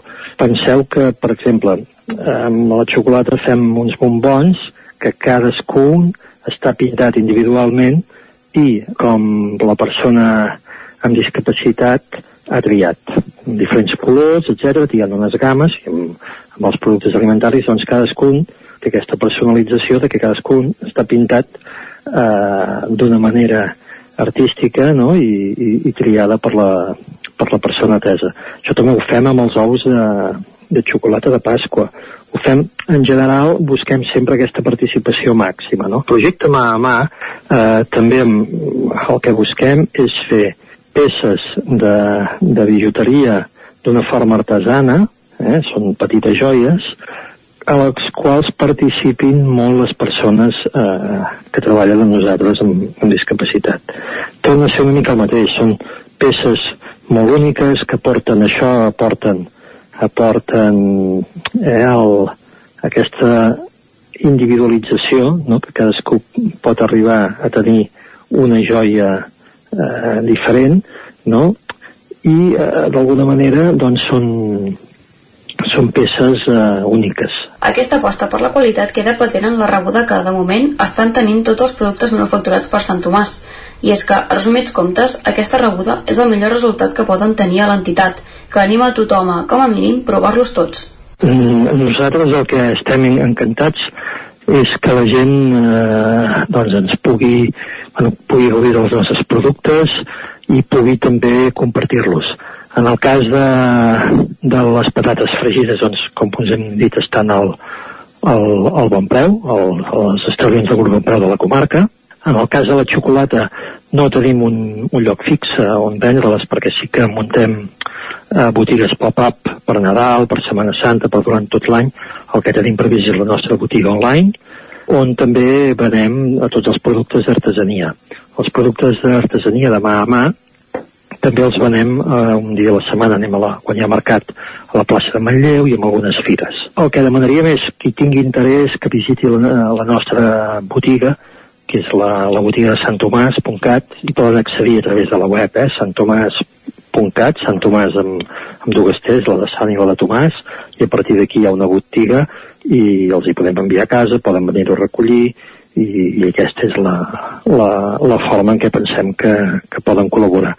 Estem treballant també per poder tenir un lloc on, obert al públic, diguem tot l'any, on poder vendre tots els nostres productes i que sigui cèntric. Eh? Segurament serà Vic i a veure si, si aviat us podem donar aquesta notícia de, de que tindrem un, un punt de venda a Vic fixa sigui a través de les patates, de la xocolata, dels articles de bijuteria i petites peces d'art o a través de qualsevol altre producte, Sant Tomàs segueix apostant fort per la inserció laboral i per ajudar els seus usuaris i usuàries a incorporar-se al món laboral. I a resumits comptes, si aquesta bona feina es materialitza amb l'elaboració de bons aliments i petites obres d'art, la feina ben feta és encara més remarcable. Gràcies, Laura. Hem conegut aquest projecte Les Patades de Sant Tomàs i Jordi, és moment d'acabar aquesta primera hora amb música, una cançó que ja sona de fons. Uh, sí, i avui tenim una... Bé, sempre tenim sorpreses i coses així diferents, eh? Avui portem, atenció, una cançó de l'último de la fila, un clàssic, adaptada al català. Doncs va. D'on ve? Doncs Bert Cel, et sona aquest projecte No. d'un valencià que es diu Alfons Olmo, ja té unes quantes, bé, anyades al darrere, doncs ha fet un disc que es diu Versions, Versions, on ha passat pel seu uh, peculiar uh, filtre, doncs, cançons de Los Planetas, de Dominica, de Family, de Cindy Lauper, i també de l'última de la fila. I quina és I aquesta? adaptades al català. Et sona En mi pecho? Sí, tant. Doncs vinga, en el meu pit és ara. Sona així.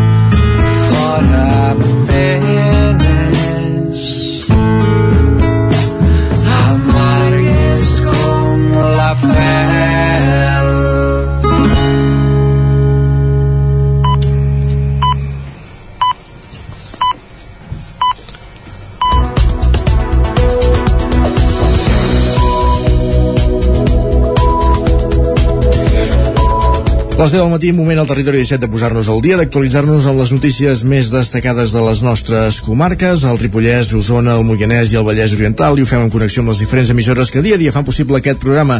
La veu de Sant Joan, Ona Codinenca, Ràdio Vic, el 9 FM, Ràdio Cardedeu i el 9 TV. Notícia d'aquest matí, el primer premi de la loteria del sorteig de la Loteria Nacional venut a Vic. El cupó del sorteig de dissabte està premiat amb 150.000 euros. I es va vendre a l'estanc del carrer Doctor Junyent de Vic, que va ser l'encarregat de despatxar el primer premi del sorteig de dissabte de la loteria estatal.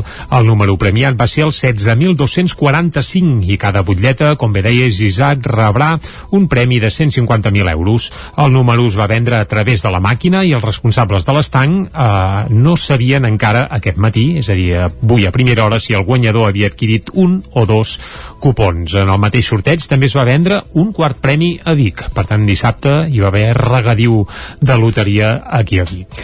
Avui, però, la notícia és que els alumnes d'infantil i primària comencen el curs escolars, ho fan amb un, amb un horari reduït durant tot el mes de setembre. Ah, Exacte, avui comença el curs escolar que ho ha fet més aviat de l'habitual i per tant moltes famílies s'hi han hagut d'adaptar. Tot i això, aquest avançament del curs no suposarà, segons el govern, ni més ni menys hores lectives. De fet, un dels canvis més destacats és que els alumnes faran jornada reduïda durant tot el mes de setembre.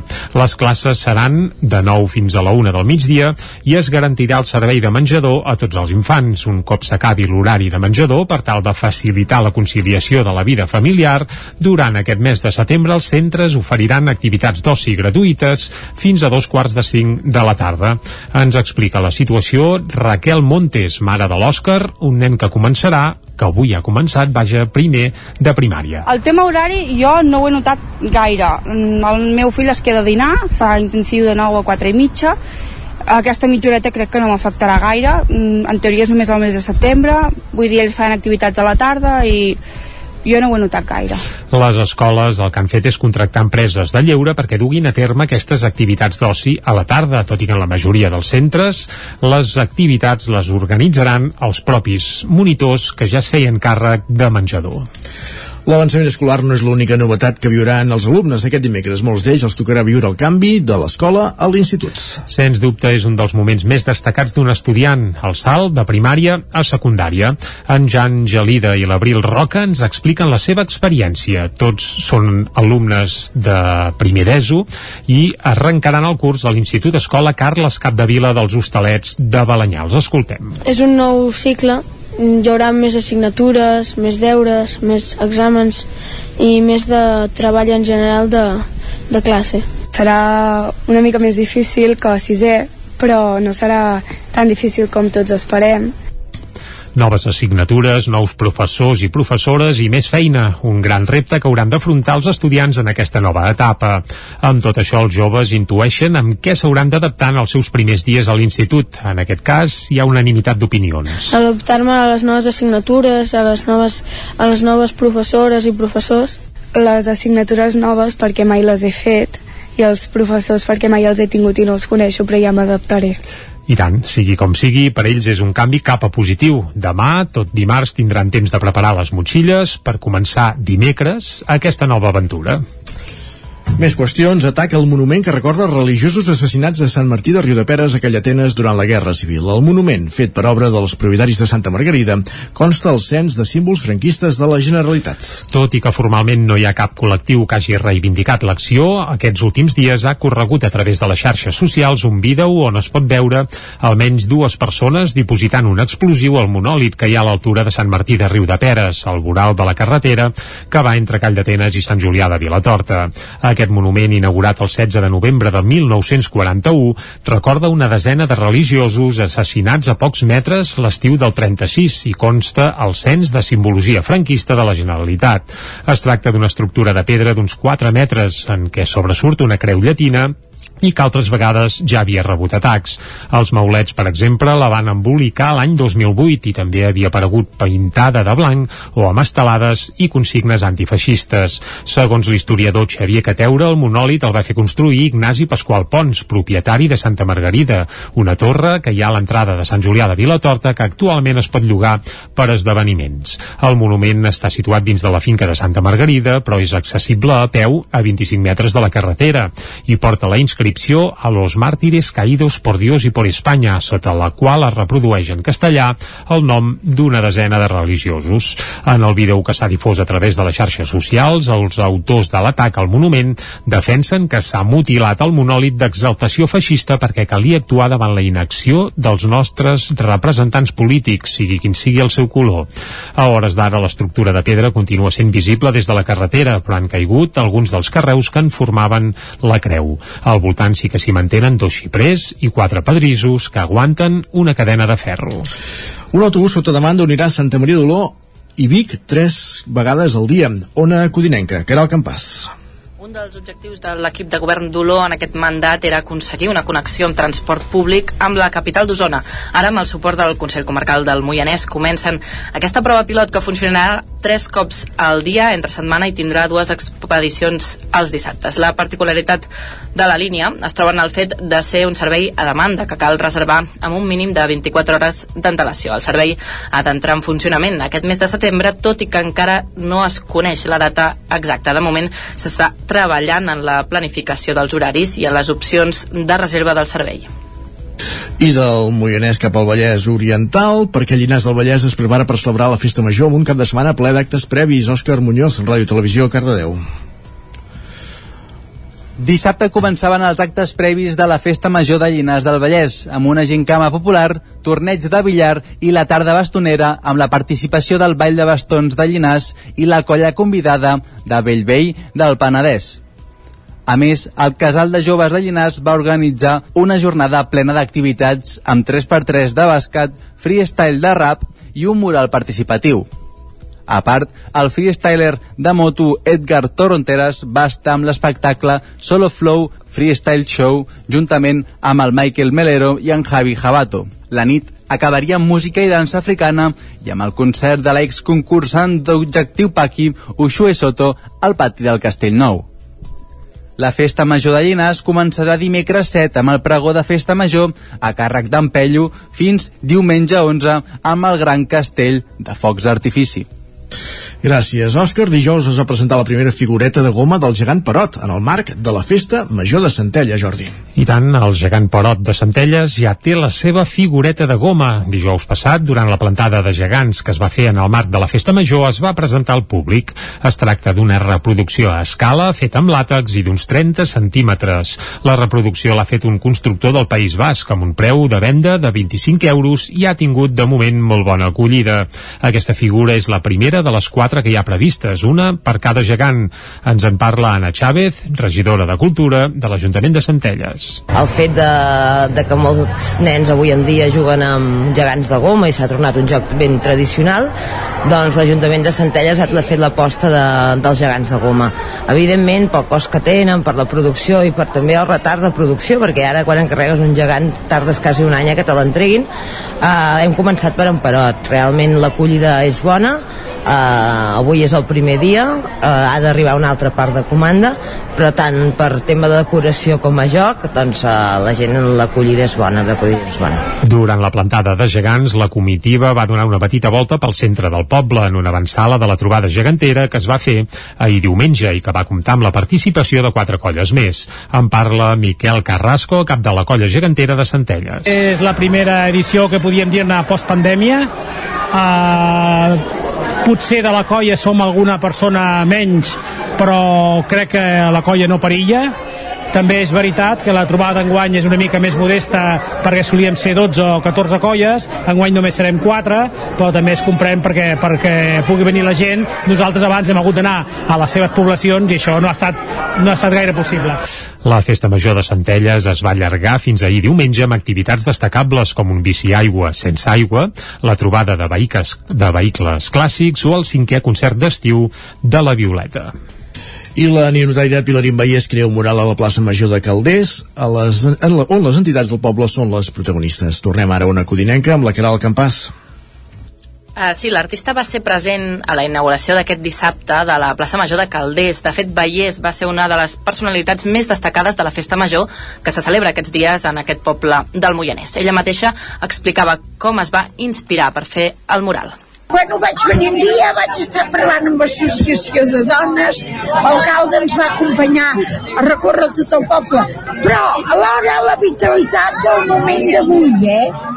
aquesta vitalitat de les associacions, dels ciclistes, d'aquests, dels altres, que la gent s'hi veiés homenatjada, reconeguda. Això em feia il·lusió.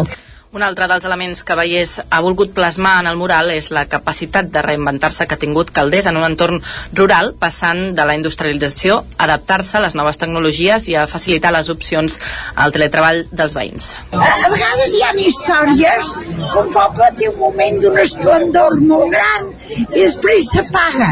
I hi ha pobles que es reinventen. Això és molt català. Reinventant, eh? Quan s'ha acabat la indústria han fet la informàtica i quan no la gent ha treballat des de casa. I això em semblava que era bonic de reflectir-ho. A partir d'ara, els veïns del poble es podran veure reflectits en aquest mural de la plaça Major de Calders amb el característic estil dels dibuixos de la Pilarín.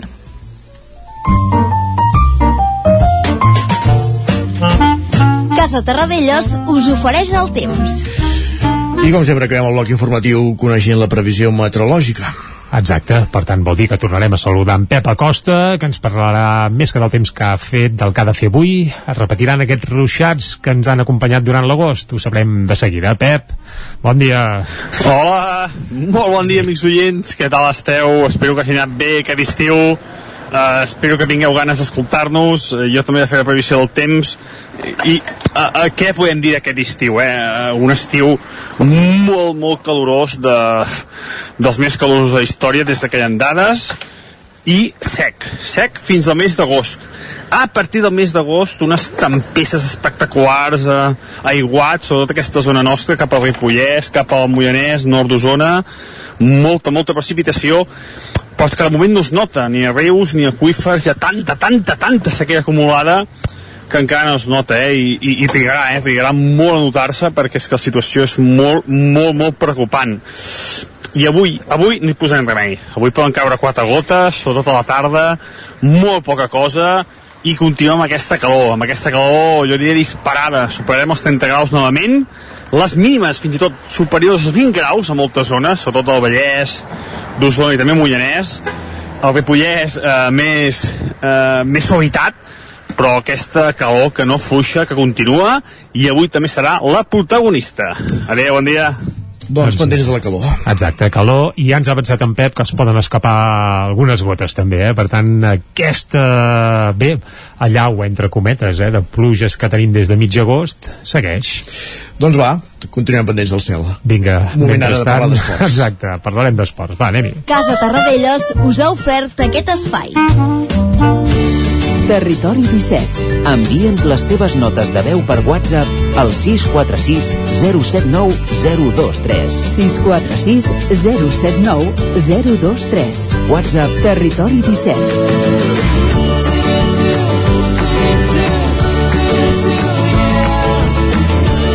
Territori 17. Som a Facebook, Twitter i Instagram amb l'usuari Territori 17.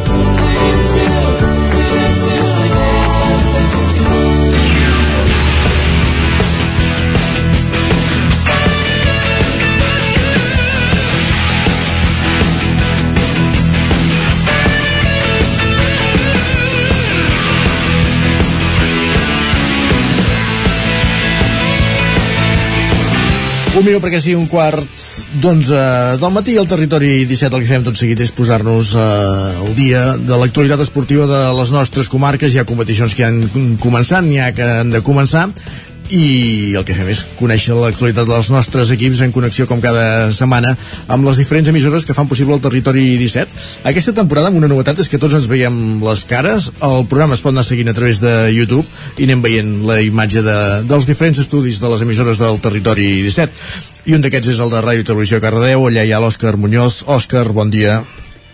Bon dia, doncs sí, comencem el repàs esportiu del cap de setmana amb, po amb pocs partits jugats, eh? podríem dir, perquè encara les competicions importants de futbol encara doncs, no han començat, Uh -huh. però, però sí que doncs, això, seguirem el primer equip de futbol del Cardedeu, que aquesta temporada està a la segona catalana, que no jugarà fins al 25 d'aquest mes, el primer equip que aquest cap de setmana tampoc ha jugat, ja que l'altre dia va participar al torneig d'històrics del Vallès i va perdre contra Alcaldes de Montbui per un gol a dos. Així que bueno, seguirem el, el primer equip de, de ben a prop i també el filial de la tercera catalana que comença el cap de setmana que ve a la mateixa lliga. També doncs, trobarem el Llinàs i el Vilamajor que també el seguirem així de prop. I no podria faltar, anirem a la primera catalana amb l'Esport Club de Granollers que, que bueno, la, la temporada passada doncs, va pujar de categoria i doncs, aquesta temporada hi haurà emoció amb l'Esport Club que aquest cap de setmana eh, va guanyar el seu primer partit de pretemporada contra l'Atlètic Sant Just per 3 gols a 2 eh, també seguirem el futbol sala dels dos equips sèniors del, del Cardedeu tant el masculí com el femení que són, jugaran a la segona divisió catalana i acabem amb, amb l'handbol amb el Franklin Granollers que sí que van començar la Lliga a Sobal um, van perdre a, a la pista del Barça o sigui, rival complicat eh, per 37 gols a 26 la primera part el Barça va ser molt dominant però eh, a la segona l'equip ballesa va poder doncs, eh, escurçar la diferència que l'equip del Barça doncs, havia posat al marcador Uh -huh. i també seguirem l'equip femení, el CAC 7 Balonmano Granollers, que aquest cap de setmana també va perdre, en aquest cas contra l'Atlético Guardés per 24 a 23. Perfecte, Òscar. No marxis gaire lluny, que et recuperem també a la tertúlia esportiva a partir de dos quarts de d'onze, l'última mitja hora. Fins ara. Fins ara. I de Ràdio Televisió Cardedeu anem cap a una codinenca on ja ens hi espera un dia més la Caral Campàs. Caral, bon dia de nou. Hola, bon dia. Com tenim l'actualitat esportiva? Doncs una mica com Cardedeu, eh, em centraré sobretot en parlar d'hoquei i la pretemporada que ha fet el, el Caldes. Eh, abans us comento que bé, que en futbol eh, aquesta, aquesta temporada del Territori 17 seguirem el primer equip del Caldes que ha pujat a primera eh, per, per, per primer cop a la història i també seguirem el Mollà, el Castellterçol i el Sant Feliu de Codines que estan eh, a tercera catalana. I com us deia, us parlo d'hoquei i concretament de la pretemporada del Caldes. Eh, el primer equip d'alcaldes, el Recam Làser eh, Caldes, que competeix en primera divisió, ha acabat la, la pretemporada aquest cap de setmana amb una derrota per 5 a 2 a la pista del, del Voltregà. Eh, I bé, us faig una mica de, de repàs de com han anat la resta de partits de pretemporada d'alcaldes. El primer que van disputar va ser el 18 d'agost, que va acabar amb victòria dels calderins per 6 a 4 contra la Noia. Uh, després van disputar el 23 d'agost contra l'Arenys de Munt, uh, un partit uh, que van ser doncs, derrotats per 7 a 5. Uh, després van disputar el 26 d'agost contra el Barça, que també van ser derrotats, un partit jugat a casa, uh, que van perdre per 0 a 5. I aquest cap de setmana van tenir els dos últims. Um, aquest de, de dissabte que us deia del, que disputaven contra el el Voltregà i també van, van disputar un altre amistós, en aquest cas un maig contra el Vilafranca, eh, que, van, que van jugar a casa, eh, que va acabar amb victòria d'alcaldes per 5 a 3. Per tant, eh, bé, han guanyat tots els partits jugats a casa, els calderins, excepte el, el que van disputar contra el Barça del dia 26 d'agost, que van perdre per, per 0-3. Uh, veurem com va la temporada pels calderins amb aquesta doncs, situació.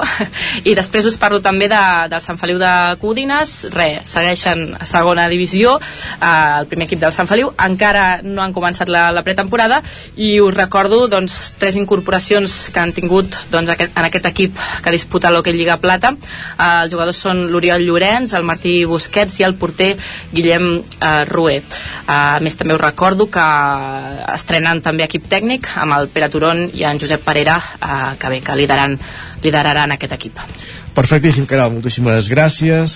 Merci, Gerard. I dona Codinenca el que fem és anar fins a, al Ripollès, a la veu de Sant Joan, allà un dia més, una temporada més, qui tenim sempre és l'Isaac Montades. Bon dia, Isaac, com estem? Bon dia, bon dia de nou. Bé, bé, bé, amb ganes de tornar-hi i explicar-vos una mica doncs, l'actualitat la, esportiva dels equips del Ripollès, que Doncs evidentment, com ja us podeu imaginar, com Cardedeu i Ona Codinenca, doncs en tenim ben poquetes. Sí que dir-vos que aquest cap de setmana eh, s'ha produït un fet molt especial, que és que la Badesenc, un dels clubs de futbol que seguim de la, de la tercera catalana, que aquest any jugarà doncs, el grup eh, 18, doncs, ha fet una celebració de motiu doncs, dels 90 anys de, de l'entitat, que es va fundar doncs, l'any 1932 i es van fer un total de tres partits aquest cap de setmana. Un d'ells va ser el del MAP a Badesenc contra Olot. Recordem que els equips del MAP s'han integrat doncs, a, a la disciplina de, de la Badesenc. També n'hi va haver un duel d'aquests eh, més de costellada d'exjugadors de diferents èpoques i el que ens interessa que va ser el del primer equip contra el Taradell, que és un equip de superior categoria, com sabeu que juga a la segona catalana. I en aquest cas doncs, eh, els Sant Joanins van aconseguir una, una bona victòria doncs, per 2 a 0 amb gol de Lluc Mora als 4 minuts de partit i un altre d'Albert Gómez al, al minut 77. També dir-vos que al, al vespre es va fer doncs, un, un sopar al pavelló amb més de 150 persones que hi van assistir i per tant Uh, realment doncs, una celebració molt lluïda la d'aquest cap de setmana, la de la Badesenc i a més a més es va aprofitar per presentar una, una cervesa a la Badesenc que esperem que doncs, després dels partits hi hagi moltes victòries i es puguin obrir moltes cerveses doncs, per celebrar doncs, aquests 90 uh, aquest 90 aniversari. Molt bé. Uh, aquest any recordem que seguirem també doncs, el Camp de Mànol i el Voltregà de la tercera catalana, a la mateixa categoria que la Badesenc. També van fer uh, dos partits amistosos aquest cap de setmana. El Camp de Mànol va perdre el camp del Voltregà per 4-2 tot i avançar-se doncs, amb dos gols de Maideu a la primera part, al minut 34 guanyaven 0-2 uh, abans del descans Sant Martí va reduir diferències i a la segona part, als últims 10 minuts el Voltregà doncs, va fer uh, tres gols més per guanyar el partit d'Alexis Eudal i, Arnau i per la seva banda dir-vos que el Camprodon que recordem que la temporada passada jugava a la segona catalana i aquest any doncs ho farà amb la Badesenc i el Camp de Manu doncs va guanyar a domicili aquest dissabte contra el Sant Vicenç de Torelló per 0-2 amb gols d'Alagi de Penal i al minut 55 i d'Eduard Planella 10 minuts després. Aquest any ja sabeu que també seguirem a la Lliga Nacional Catalana amb l'ascens la, que va aconseguir l'Hockey Club Ripoll la temporada uh, passada, ha jugat alguns amistosos en aquest cap de setmana no, però sí que va mencionar-vos un empat molt destacat a, a 4 a casa seva fa un, uns quants dies contra el, el Barça B, que jo penso que, doncs, que és un resultat molt bo per al, per al Ripoll i també dir-vos que seguirem doncs, el, el futbol sala, l'escola uh -huh. futbol sala Ripoll Servicat que tornarà a disputar doncs, un any més la, la primera nacional i a partir d'aquí doncs, ja us parlarem de totes les activitats esportives que hi hagi, siguin curses de, a peu, ciclistes o de tot tipus aquí a, a la comarca del Ripollès. El que convingui. Gràcies, Isaac. No marxis gaire lluny tampoc. Fins ara. Adéu, fins després. I acabem aquest recorregut als estudis del 9FM on com cada temporada ens hi acompanya l'Ester Rovira eh, bon diaEster, també una mica com comentaven des de les altres emissores eh? hi ha competicions que ja han començat, n'hi ha, ha que han de començar, i ja hi ha títols que s'han resolt, com aquest del Torelló femení, subcampió de Catalunya. Doncs eh, sí, bon dia. Uh, això que deies tu, uh, torna al setembre i tot l'esport es comença a posar en marxa. Uh, la majoria de, de lligues ho faran en els propers caps de setmana, començant sobretot el que ve, però aquest ja hi havia eh, competicions en, en joc i a destacar aquesta Copa Catalunya eh, femenina eh, en què s'enfrontaven el, el Torelló i el Sant Gabriel, eh, dos equips eh, entre els quals hi ha dues categories de diferència, el Sant Gabriel és clarament eh, superior i malgrat eh, que el Torelló doncs, ja, ja havia aconseguit com a gran mèrit arribar en aquesta final, eh, s'ha de dir que, que no hi va haver-hi color, que, que el Sant Gabriel va ser molt superior eh, en un partit on el Torelló no va tenir el dia i com dèiem tampoc doncs, va tenir un rival fàcil i va acabar perdent per 1 a 9 en un partit on ja es va decidir eh, en els primers minuts de, de l'enfrontament.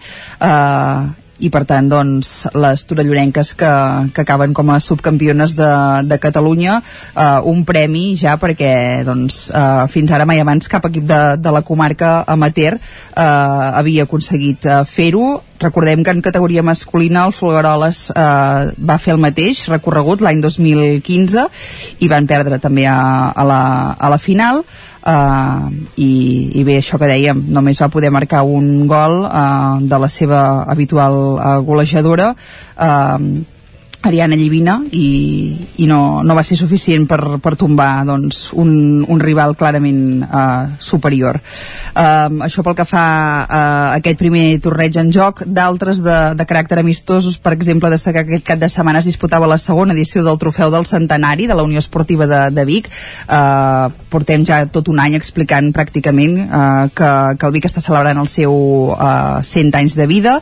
Uh, pròpiament la data assenyalada serà el proper 18 d'octubre d'octubre, quan es farà un acte final de, de tot aquest any al dia, que pròpiament se celebren els 100 anys eh, a l'Atlàntida, i aquest cap de setmana el que s'ha fet és, com dèiem això, aquest segon trofeu del centenari, que ja es va instaurar l'any passat i que la voluntat és que quedi ja per sempre com a trofeu de pretemporada, i els dos conjunts femenins, eh, ai, els dos conjunts, volem dir, eh, de, de, de l'organitzador, del Vic, tant el femení com el masculí, van ser-ne els guanyadors, les fèmines van superar la Pirinaica per 5 a 0, mentre que els nois es van imposar la Guinaueta per, per 2 a 0.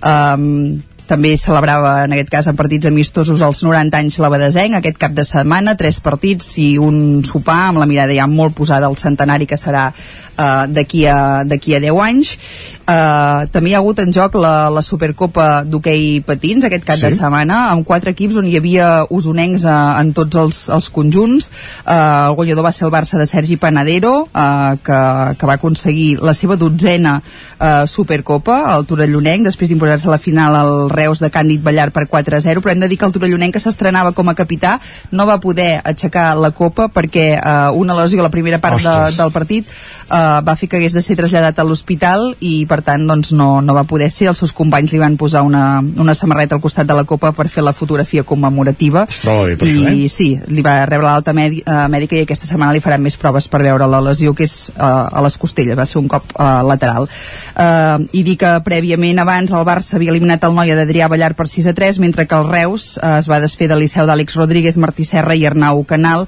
en aquest cas per, per 2 a 4. Eh, I encara una altra competició d'aquestes que, que marca l'inici del curs esportiu, l'Open Internacional de Tenis Taula de Vic, 37a edició, i en aquest cas els guanyadors eh, van ser la russa Ekaterina Chernovskaya i el suec Simon Berglund, eh, tots dos després de disputar unes finals inèdites amb quatre esportistes que o no hi havien set mai a la competició o no havien arribat mai a, la, a, les, a les fases sí. finals i tots dos es van imposar per un contundent uh, 3 a 0, per tant per la via ràpida i uh, un últim apunt per dir que el Club Bàsquet Vic Universitat de Vic va començar la Lliga Catalana EVA amb victòria després d'imposar-se per 77 a 54 al quart i els dos propers partits els jugarà a domicili. Gràcies, Esther. Que Perfectíssim. Bon dia. Al territori, al territori 17 fem tot seguit una pausa i tornem d'aquí 3 minuts. Fins ara mateix. El nou FM, la ràdio de casa, al 92.8.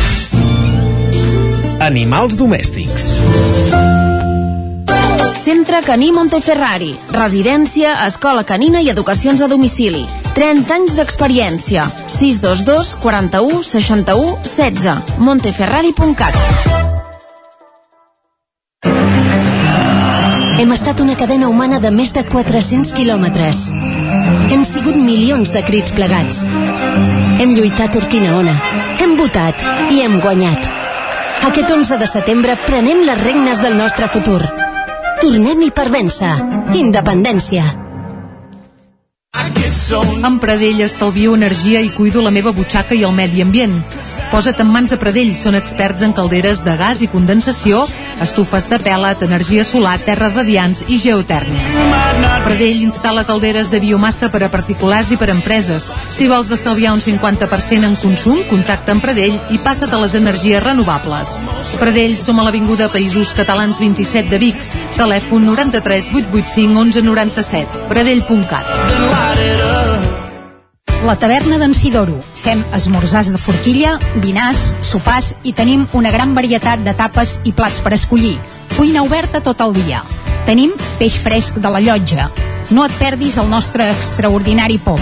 Vine a la nostra terrassa. La taverna d'en Sidoro. Som al carrer Pirineus 20 del polígon Mas Galí de Gurb.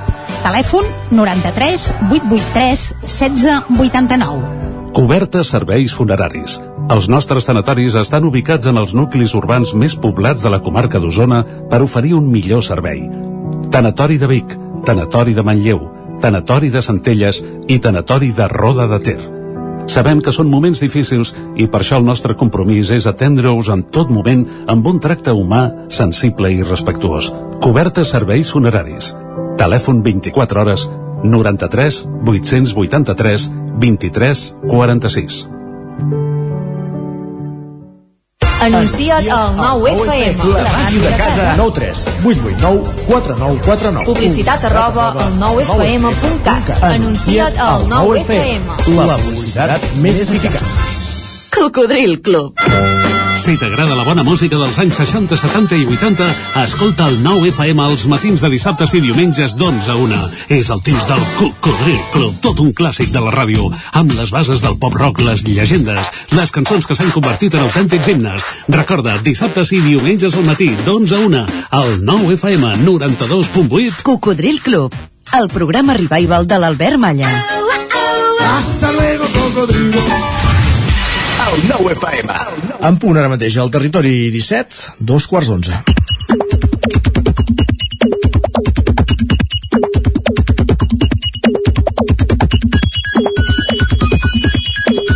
I dos quarts d'onze és l'hora Sánchez, el territori 17. Això no canvia, eh? Això no canvia. La temporada passada ja la teníem i aquest any repeteix. Guillem Sánchez, molt bon dia. Uh, bé, però no Uh, ara, ara, aviam, ara, Ara sí, home, ara sí, és que és el primer dia, eh? és el primer dia i a vegades costa, eh? Tot es posarà en marxa, vinga. Sí, tot i que tu ja treballaves, eh? Sí, a l'agost. Fa un mes i una setmana que estem ja vius i Tu vas fer feina. vacances al juliol. Correcte, Com correcte. els bons. Com els bons, eh? No, no, escolta, tothom que les faci com pot i si les fa, doncs benvingudes siguin. Nosaltres ens hi posem i Aquesta cada dia ens portaràs unes quantes I piulades, eh? estem avui parlant d'escoles també, que Clar, evidentment és el inici de primer dia curs, és que és aquesta- el tema estrella, i tant que aquesta sí. estrena i amb records com el de la Lisenda dels dies d'escola quan ella hi anava. Diu, el dia anterior a començar l'escola a casa es folraven els llibres en paper d'embalar. Els altres nens duien llibres folrats de plàstic tou o iron fix i jo arribava a Nadal amb el paper d'embalar tacat d'oli dels entrepans que duia a la motxilla per esmorzar. Ah, forrar un paper d'embalar, eh? una mica cutre, eh? No? Bueno, hi ha, Hi ha de tot. Clar, no Hi ha veies ni la portada, ni... Bé, tant és, sí, sí. Hi ha pares per això que avui ja s'han retrobat eh, també amb, amb eh, altres pares i mares a l'escola Sí, clar. portant els fills. Alguns potser s'hi han retrobat de manera més efusiva que d'altres. Un usuari ens escriu que un pare el primer dia de la porta de l'escola imprevisiblement em faci una abraçada i m'aixequi del terra, diu, no sé jo, però... Bé, les ganes de que tornin els nens a l'escola, no de que altres coses a vegades fan miracles, eh? Sí, Què més? Va, m'agrada el resum que fa la Mireia d'aquesta època de l'any, ens diu jo no vull que comenci l'escola i de, de nou diu, per demà cal portar una cartolina taronja. Porta i recull aquest i l'altre de l'extraescolar i aquest i l'altre d'aquí diu tinc deures de no sé què. Dissabte partit, aniversaris varis i a sopar ja que demà hi ha escola. De debò preferiu a les vacances? Diu, no ho entenc Uh, la logística familiar quan arrenca el curs escolar, pensant sobretot en extraescolars, és terrible. Ja m'hi sumo també aquí. Bé, Va, i a part de la tornada a l'escola, aquests dies també són encara per viure moltes festes majors. De fet, Sí. hi ha moltes celebracions... Home, a- avui mateix, festa major de Sant Vicenç de Torelló. Per exemple, On per no han exemple. començat escola perquè és festa. Començaran demà. Doncs eh, hi ha gent que encara s'ha de guarnir, s'ha de posar de gala per viure aquests dies macos de, de festa Mhm. major. La Xènia ens fa una reflexió en aquest sentit. Diu, en quin moment la gent jove s'arregla per la festa major? Diu, quan s'ha deixat de portar ronyonera, texans, top i, su i suadera i hem passat a vestir com cayetanes. Diu, sincerament, m'hi nego rotundament, continuaré vestint igual que el 2019. Però això no era... De fet, era abans el vestir-se com cayetanes que, que amb ronyonera. no sé què en penseu, que vaja. la, si, la, si la gent jove s'arregla molt o s'ha d'arreglar molt per les festes majors o s'ha d'anar tirat amb la que roba vulgui. que tirin com vulguin du. com que el jovent allò d'anar a missa per la festa major ja no es porta gaire uh, per anar de festa i anar-ho a rebentar amb un concert d'aquests a les dues del matí crec que més que vaja, anava a dir que engalanar-se gaire el que cal és agafar el jerseiet que fa Per aquests fresca concerts de la Cayetana l'únic que et necessites és el coll, però per Correcte. això res més. I la Maria li respon per això, diu, com a mínim el dia oficial de festa major, si més no al matí, diu, la gent es muda força. La meva àvia em guardava el millor vestit quan era petita i per inèrcia arreglo una mica els meus fills. Veus? Però eh, era això que dèiem, per anar a missa, eh? El, dia, el migdia de festa major, etc. Bé, és que ha canviat, això ha canviat. Va, i no sé si us fieu molt dels meteoròlegs, vosaltres. Home, d'en Pep no? Acosta sí, totalment. Passa que en Pep no sé si va anar amb el sopar que va anar la Carme. Ah, pot ser que no, però bé, en Pep va molt sopars, eh? La Carme ens escriu ahir vaig anar a sopar amb sis meteoròlegs diu, vam seure Carai. a la terrassa punt, va ploure doncs mira No hi havia en Pep. Ah, en Pep Acosta no, No hi hi havia Pep. Segur que no. i amb taules com les de la terrassa de la Carme hi podrien aparèixer elements com els que ens descriuen Santi Carcassona que ens fa una aportació divertida avui Músic, pescallunes, sí. Diu, trobo a faltar una cervesa artesana del Ripollès que es digui birres de freser. No sé si s'havia fet mai aquesta broma, no sé si no s'havia fet mai. Bé, la cervesa no que s'ha fet mai, per tant, la, Doncs oita, la idea ja la està llançada. Va, i per acabar, una, Ràpid, ref una reflexió de l'Anna que ens comenta sempre acaba fallant tot, excepte les cafeteres italianes. Per tant, ja sabeu, si avui falla alguna cosa en aquest dia d'arrencada, que fem una cafetera italiana i... Hi ha gent molt sapastre, eh, que fins i tot seria capaç de fer espatllar una cafeteria ita- italiana. Eh? Doncs ho deixarem aquí per no entrar en més detalls. Va, gràcies. Doncs va, vinga, a fer un cafetó, eh, italià, Guillem, gràcies. Demà més, fem res, ràpidament, Ràpid, un cop d'ull a les portades del ens sembla una tertúlia a 99.cat, sobre. que la tertúlia esportiva ja la tenim aquí, els tertulians també, eh? Uh, fem un cop d'ull al 99.cat d'Osona i el Ripollès, el primer premi del sorteig de la loteria estatal venut a Vic, això va ser dissabte i també hi trobem Catac, el monument que recorda religiosos assassinats a Sant Martí de Riu de Peres durant la Guerra Civil i que Vic ha rebaixat a l'agost un 11% el consum d'aigua respecte al mateix període de l'any anterior. I el Vallès Oriental, a l'edició del 99.cat, ara mateix obre explicant que la fi dels peatges ha desplaçat 30.000 vehicles de la C-17 a la C-33. 30.000, que aviat és dit, eh? I també l'atur creix en més de 700 inscrits a l'agost al Vallès Oriental i la primitiva, tot va de loteries avui, deixa un premi de prop de 32 milions d'euros a Granollers. No sé si els hi va tocar algun dels nostres tertulians, però per la cara que fan diria que, que no. Va, repassats els diaris, parlem d'esports. Anem a la tertúlia esportiva. Territori 17, el 9 FM, la veu de Sant Joan, Ona Codinenca, Ràdio Cardedeu, Territori 17. Territori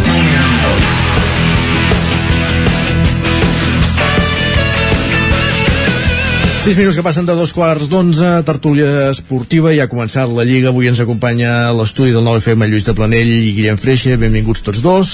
Hola, bon dia. bon dia. També ens acompanyen des dels estudis del de Sant Joan l'Isaac Muntades i des de Ràdio Cardedeu l'Òscar Muñoz. Hola, què tal tots quatre? Bon dia. Bon dia. Tenim moltes coses de les que parlar. El més recent és la jornada del cap de setmana, però encara tenim aquest tancament de mercat de fitxatges molt present per moltes coses, anirem parlant. Uh, comencem pels resultats del cap de setmana. Sevilla 0, Barça 3, Madrid 2, Betis 1, Bilbao 0, Espanyol 1, Mallorca 1, Girona 1. Uh, comences tu, Guillem Freixa, que ja donaves pas. Sí, no, sí, no uh, això, una jornada amb el, amb el Barça eh, confirmant bones sensacions. Sí que hi va haver no, Li- l'inici de la Lliga amb un partit una mica um, estrany amb el Rayo en què es va uh, dominar molt però no hi va haver manera de marcar gols. Però després jo crec que s'ha anat veient un, un Barça que carbura que els fitxatges que s'han fet aporten a, a l'equip, eh, jugadors que l'any passat no hi van poder ser per lesió, doncs estan fent un pas en, endavant, eh, digue-li a Ansu Fati, digue-li a Pedri, eh, digue-li també a, a Dembélé, que al finalment s'ha quedat, no? l'any passat moltes hores de tertúlia les vam dedicar a parlar de, de Dembélé, i Dembélé s'ha quedat i, i està, està portant i jo tinc il·lusió mm, com a mínim això ho tinc començar el setembre amb il·lusió sempre és important. Uh, ara sentir aquesta sintonia de, de la tertúlia és senyal que tornem a la, a la rutina de la temporada i bueno, d'aquesta tornada a la rutina segurament el que em fa més mandra és uh, tornar a sentir l'Isaac Muntades que segurament ja ens dirà que guanyaran tot amb la gorra però, però bueno, no, no, això, il·lusionat il·lusionat amb aquest Barça uh, que jo crec que si més no en la competició domèstica en la Lliga crec que està per, per guanyar el títol o, o lluitar-lo amb el Madrid perquè serà cosa, cosa de dos Sí, sí. No, a veure, la, la, ruti, la rutina sí, ha tornat, la rutina és que el Madrid doncs, està a la Lliga com, com l'any passat, no? és el sí. líder de, de la primera divisió, i el Barça doncs, segon, no? que és com va acabar l'any passat, per tant hem tornat sí. a la rutina, eh, certament s'han jugat quatre partits, el Madrid em sembla que no començava tan bé una Lliga des de la 2016-2017, que no guanyava els quatre primers partits, eh, a mi m'està agradant, he vist el, el, alguna estona de, dels partits del Madrid, evidentment doncs potser Benzema no ha començat tan, tan bé com, com la temporada passada però, però bé, sempre incideix molt en el joc i evidentment tenim un jugador que és diferencial ara mateix que jo crec que, que és dels millors jugadors del món que és Vinicius Júnior. Ja i els fitxatges eh? sí, millor jugador no, del món. Sí, a veure, aquest any la pilota d'or la guanyarà Benzema, eh? però vull dir l'any vinent jo crec que ja segurament la podrà, la podrà guanyar Vinicius. Però, a veure, hem parlat dels fitxatges, ara en parlarem, eh, dels fitxatges del Barça, que evidentment eh, que estan molt bé i que han fet un, un bon mercat i tal, però és que el Madrid ha fet un mercat de fitxatges també bastant bo perquè ha fitxat a, a Rudiger, que de moment encara no està jugant, però a poc a poc jo crec que, que entrarà, i a Chouameni, que ja és titular in, indiscutible i porta un parell o tres de partits ja molt bons, i Casemiro ja ni, ningú se'n recorda de Casemiro. Mm. Casemiro ens en recordem dels 80 milions que ha deixat a, a la caixa, que això és lo important i, i bé, per tant jo content d'aquest inici i, i, i ara explica'ns doncs, que aquests fitxatges del Barça no? que tenim ganes de saber com aniran no? que sí. no, hi ha alguns que encara no juguen eh, per això Perdó, un, un matís només amb el, amb el tema del Madrid jo com sempre felicito que és un empresari eh, diguem que jo, jo diria que té aspecte de, de tenir poc cor eh, amb les conseqüències que té de les seves decisions. O sigui, eh, poc eh, diguem eh, eh, pensant en les repercussions eh, personals que pot tenir per, per, per això, eh, per, per les persones que l'envolten, però que fer 80 milions per en Casemiro és una cosa que només ho pot fer en, en Florentino sí. Pérez i poca cosa més eh? Mm.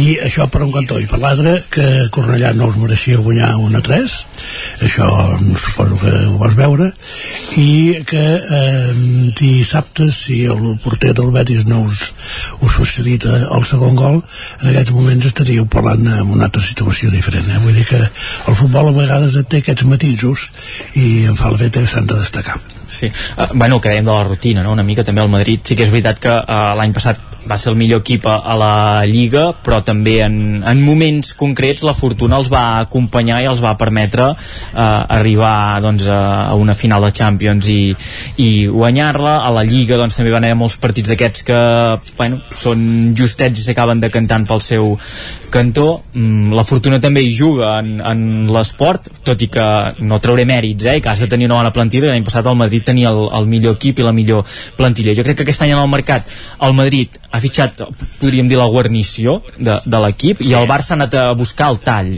jo crec que ha anat a buscar el tall de, de, de l'equip amb... les necessitats que tenia cadascú el, el sí, Barça ha anat sí, a fer l'equip, no Guillem? Però, dir? Sí, sí ha, anat, ha anat a muntar l'ha canviat tot, eh? bueno, tot, tot mm, no, sí, sí, perquè escolta, la mitja sí, defensa sí, tot, tot. sí, ha anat, ha, anat a buscar les, les necessitats esperant que aquests futbolistes que l'any passat doncs eh, no van poder funcionar pel motiu que fos o eren fins i tot massa joves no sé, en el cas de Gavi que ja va rendir un, un molt bon nivell eh?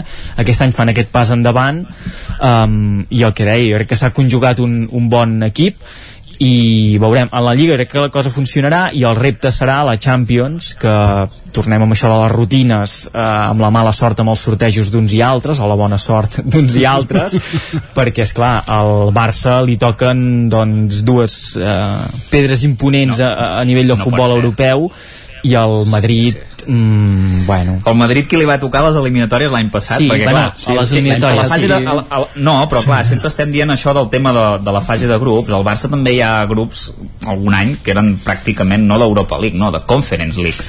Que, que, que, que, a veure, anem, anem, anem a parlar una mica en propietat no? el, grup, el grup del Madrid tenim el Celtic de Glasgow que és campió d'Europa. Vull dir, aviam, no tenim pas Bueno, campió d'Europa. sí, Sí, sí, sí l'any 66 o així però, però és campió d'Europa. El Shakhtar Donetsk eh, bueno, clar, el problema del Shakhtar Donetsk que és que era un equip que el 2010 segurament era, era un Sí. gran equip i ara doncs amb tot el tema de la guerra doncs, doncs bé, i l'altre equip, l'altre equip quin era l'altre equip? aquest no me'n recordo hi ha el... Imagina si era bo. El Camp de Bànol. sí, no. el Camp de Bànol. És que- és que ni Hòstia, no, no, ara no me'n recordo l'altre equip però, però bueno el, el, Ba- el, el, el Barça també té una cirereta en, el- en el grup vull dir que Bueno, sí, clar, no el sé. Victoria Pilsen, però llavors els altres dos, l'Inter i el Bayern, bueno, serà, serà durillo. Jo crec que això, eh, que el, el tall aquest que ha fitxat el Barça eh, ens donarà alegries i encapçalats per Lewandowski, que no ha vingut a retirar-se. Òscar Rios, que els, que els gats vells no et deixen parlar, eh? Ja que és el teu primer dia. No, T'hem- bueno, jo de donar estic aquí una miqueta escoltant... sí, res, eh, jo del Barça, doncs, tinc il·lusió. Sigui, podríem dir que la paraula és il·lusió, no? Encara... Perdó que quedi clar, ets, ets del Barça, no? Sí, sí, és el Barça. Sí, soc, de- soc del Barça, sí. No, jo deia, però sí. evidentment, com podia ser No, no, s'ha de dir, s'ha de dir. O sigui, hi havia algú del Girona, vull dir. Freixa. Bueno, el Girona també el segueixo. jo també, jo també soc del Girona També el, el seguim al Girona aquí, així que, bueno, sí, també es podrà comentar qualsevol cosa del Girona, però això del Barça, res, eh, jo personalment tinc il·lusió amb aquest equip. Sí que al principi del partit contra el Sevilla eh, va ser doncs, molt descontrols, va haver-hi molt de caos, jo crec que a la defensa, no? Sort de Ter Stegen, que ara, doncs, en aquests principis de Lliga està en un bon, bon nivell de forma, sempre amb, amb posant la mà on toca i després també doncs, important que la defensa estigui en el seu lloc no? vam, vam veure l'Araujo doncs, mm, amb bastant bueno, li ha faltat no? Araujo després també tenim a Koundé que bueno, va fer un partit increïble amb dues assistències i després doncs, no sé, Eric García també va fer un bon partit a sobre amb gol no sé, té moltes coses que poden anar aportant i si després tenim el Robert Lewandowski allà davant que te la controla amb el pit i et fa una volea, doncs que podem, no? I que no ha vingut a retirar-se, Lewandowski, no? Que Ah, exacte, molta no, no. gent... ha anat a fer surf al pantà de la Vells No, no, no, ha vingut... Això no ho feia Piqué, no ho li queda. També.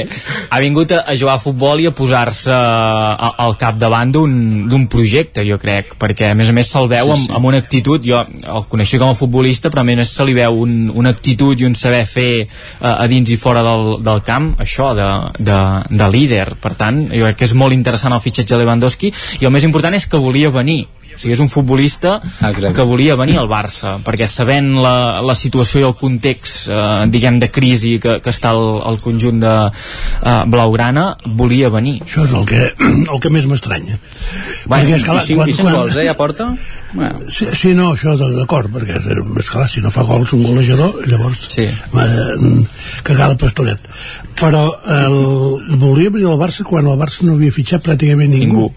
I llavors, eh, què volia? No sé, no sé, és que no ho he entès, això. bueno, hi ha gent a la vida que es mou per ideals suposo Ah. i ell sí. i ell fu- que un futbolista que cobra milions, vale, eh? Sí, Sí, sí, els sí. ideals aquests són, són molt, molt, molt, molt, molt, molt creïbles. no, I el però, Martin Braithwaite el trobem a faltar o no? oh, jo, Martin, Martin Braithwaite eh, jo crec que funcionarà a l'Espanyol Oh, és que és un jugador Sí, sí. Per, per equips d'aquesta categoria, no, no, no, no a nivell Barça i Madrid, això està claríssim. Ara qui el va fitxar? En Bernabéu? Ai, en Bartomeu? bueno, en, Era el moment aquell que no teníem davanters. sí, no? i en Koeman era, em sembla ara en sobren que, que ara No. en sobren de davanters en sobren? per què en sobren? Home, teniu sis i en juguen tres, no? no, sí, però jo crec que ara estem bé, eh?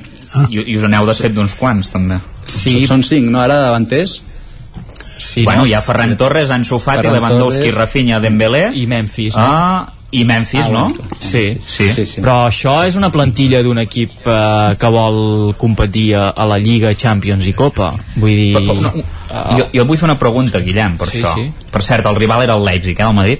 Uh, uh, no, anava a dir... Hi ha una cosa que m'ha cridat molt l'atenció, que és el tema de, de la gestió del vestidor per en Xavi, que això, en Guardiola, en el seu moment quan va arribar, doncs ja va fer neteja una mica de les vaques sagrades i estem veient que que això sí que crida l'atenció que aquí hi ha realment un canvi que és que els capitans, que en aquest cas Piqué, Jordi Alba, Busquets no tant però, però bé, en algun partit ja, Sí, ja se comença a veure i, i Sergi Roberto els ha assegut Piqué no ha jugat cap partit fins ara Jordi Alba em sembla que Bueno, ha tampoc, sortit, no? Em sembla, alguna ha sortit part. algun moment però, però vull dir, n'ha sortit de titular vull dir que com, com es gestiona això perquè, perquè Jordi Alba se'l volia fer se'l volia fer fora enviant-lo a l'Inter com, com es gestiona això?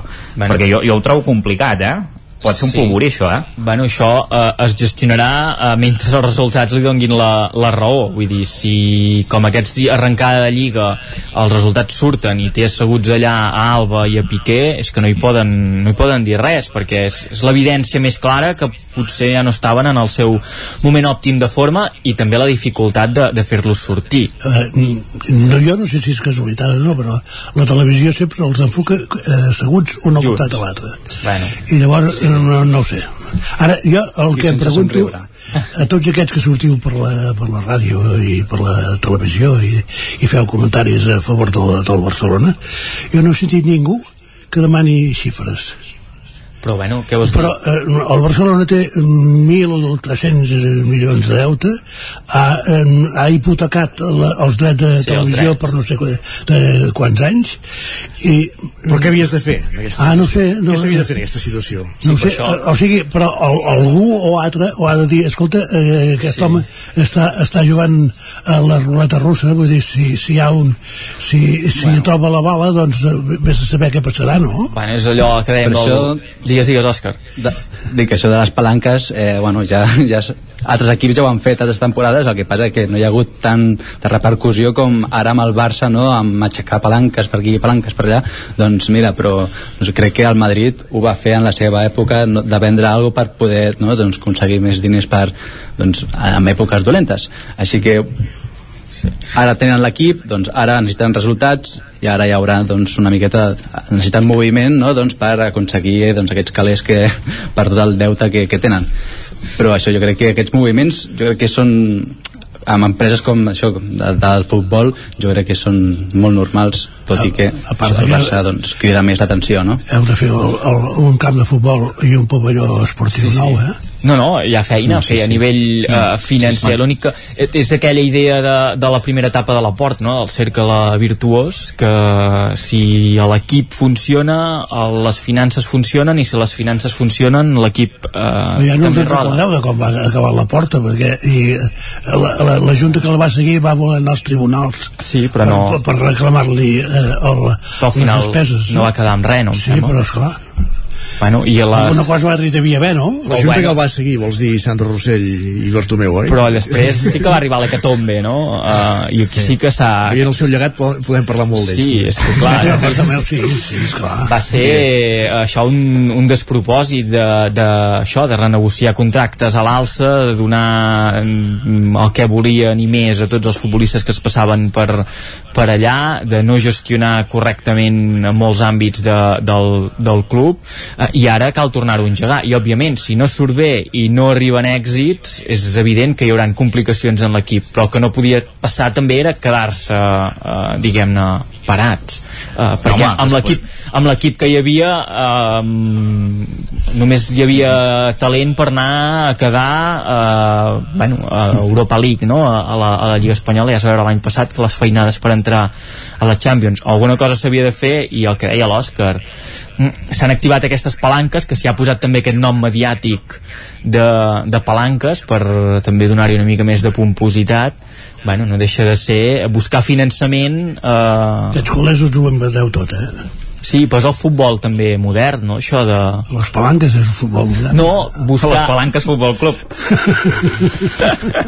no, buscar No, finançaments buscar finançaments eh, d'on sigui vull dir, no sé, el és que Barça això no és buscar finançaments, això és invertir, o sigui, eh, hipotecar-te amb uns drets, amb uns drets que tens previst Bueno, de cobrar.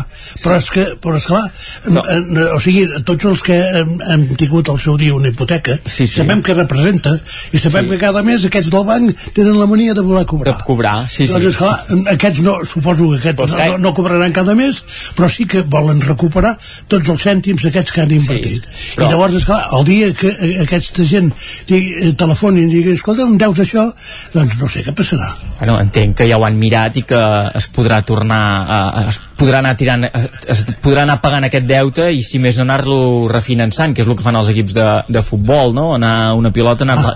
tirant endavant però és que això no és que ho faci el Barça és que ho fan tots els clubs I les després, empreses, no? De fet. sí, i les empreses eh, també I, jo, jo sé d'un club que devia 150 milions de- d'euros de, i ara en deu 20 Bueno. que no ha tirat cap palanca ni cap pilota endavant ni no sé Qui- què qui és? Sí, eh, És l'Espanyol. Ah. bueno, però qui, qui hi ha darrere d'això? Ah, bueno, un Hi ha- consell d'administració que ha, I un- fet, i un- ha fet una ampliació de capital Bueno, i i ja un està. empresari diners. xinès, no? Eh, és igual qui és Bueno, però i el dia que no hi hagi Ja- aquest empresari xinès... hi haurà un altre que farà el mateix O no. o, o, Bueno, o, o, o potser no. ho farà més bé Bueno, o no, i quedaran amb la... Quants equips també eh, hi havia un empresari darrere que anava entomant el deute, ha desaparegut i veiem on són. Perdona, ara, és clar, si parlem de Peterman sí, això No, ja és una o el. Màlaga. Bueno, Sí, però, però també hi ha altres exemples de, Samuel. hi ha exemples d'èxit en la gestió. Hi ha, per exemple, el tema del Chelsea, que ha El Paris tingut, doncs, Saint-Germain. a, a, a Roman Abramovich. El, el Paris Saint-Germain sí, però el Paris Saint-Germain encara hi és, eh? Vull dir, sí, Roman ah, sí. Abramovich que ha desaparegut del club. El Chelsea semblava que sí que va tenir un moment de convulsió la temporada Sí, crisi. passada, però al final sembla que s'ha que s'ha mig recuperat i vull dir, ja té una estructura a- a- assentada i, i fonamentada, no? I molts equips de la Premier és, és això exactament. Que un- són, estan a, Aquí hi ha el model en mans Premier, eh, que- sí. Sí, sí, sí que és molt diferent al model espanyol que, que segurament el model espanyol quan venien aquí els, els anomenats sheiks Mhm. eh, àrabs o, o, o d'un altre lloc com va passar amb el Maga doncs no va funcionar tan bé normalment s'arruïnava el model espanyol és l'exemple més exitós en aquest sentit d'un d'un magnat que ve de fora per dir d'alguna manera i, i funciona Però amb l'Espanyol hi han hagut eh, rumors que s'ho treia, que es vol vendre que però, però, però vendre. diuen que no, no? Bueno, però diuen però que sempre no que han sortit aquests rumors a ell, dins, ell ho ha negat sempre ja, però dins la ho comunitat diguem I a més, rica a, a mi que eh, o- un dels rumors sigui que el vau comprar els mateixos que tenen el Paris Saint-Germain, jo un disgust Clar. molt gros no me'l porta- no me l'emportaria. no, està clar que no, eh, Lluís? entrar en aquests, sí, entrar en aquests grups l'únic que eh, tornes a estar expenses d'un d'un inversor o d'una font d'ingressos eh, Sí. externa ja Sí, ho sé, eh, i- que no t'has d'entendre amb el banc i t'has d'entendre amb una persona que, que et dona els, els diners però dir, també és una dependència I, I el cas del València és en sentit negatiu. Sí, això, en sentit negatiu. Exacte, això també ja ho entenc. Amb- Però eh, això no vol dir que la situació del Barça d'anar- d'anar-se hipotecant, Hipotecant. sigui bona, Sí. per mi. però clar, és que no hi havia altra sortida Doncs no ho sé, o, no. o potser eh, en lloc d'un 50 que ha estat en, en total, o un 49 uh -huh. amb, el, amb el tema dels serveis i, i això, doncs potser un 30 i potser en lloc No. de, de fitxar un jugador de 34 Però- anys que per molt que faci gols en té 34 i eh, l'heu fitxat per 3 temporades vull dir que acabarà jugant amb el, amb el, amb el bastó Bueno, no. doncs potser, potser fitxar-lo un altre que, no, que amb un al principi de contracte lliga no faci 3 eh? gols Sí, però aquest altre que dius precisament segurament no hagués volgut venir o et hagués demanat un altre tipus de contracte molt més, molt més car i, i jo entenc que en aquests en, no, Haaland no. En aquests, en aquests números que, que parlem eh, nosaltres ara aquí podem debatre i dir que una part diu que no ho podran tornar una altra diu que sí que no hi havia alternativa.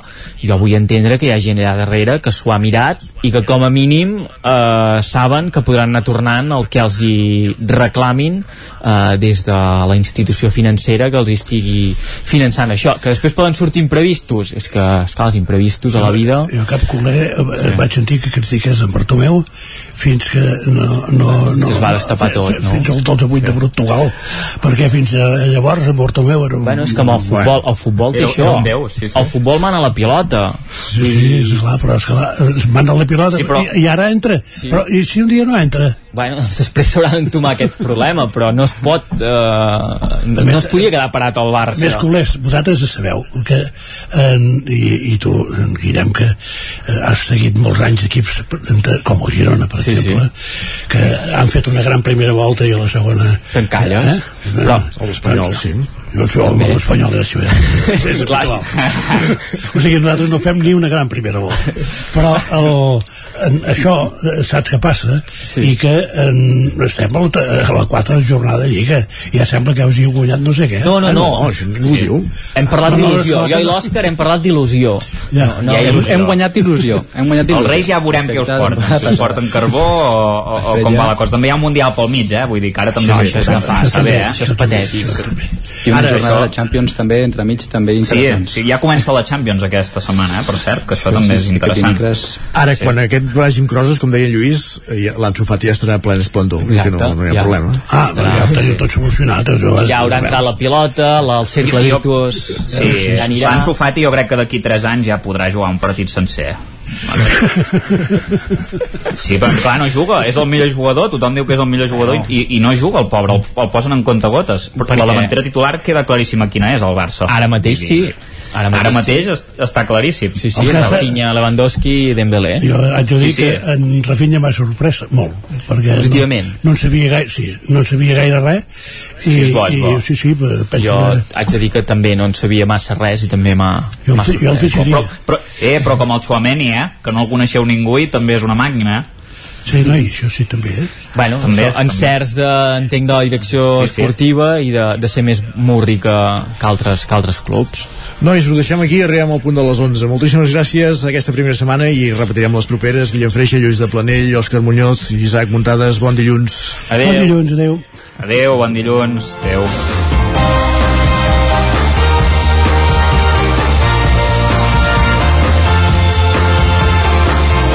I arribem a la fi d'aquest Territori 17, el primer de la temporada d'aquest 5 de setembre de 2022. Us hem acompanyat des de les 9 del matí amb la Laura Serrat, la Caral Campàs, l'Òscar Muñoz, l'Isaac Muntades, en Pep Acosta, en Guillem Freixa, l'Ester Rovira, en Lluís de Planell, en Guillem Sánchez, Jordi Senyor i Isaac Moreno. I tornem demà a les 9. Adéu-siau.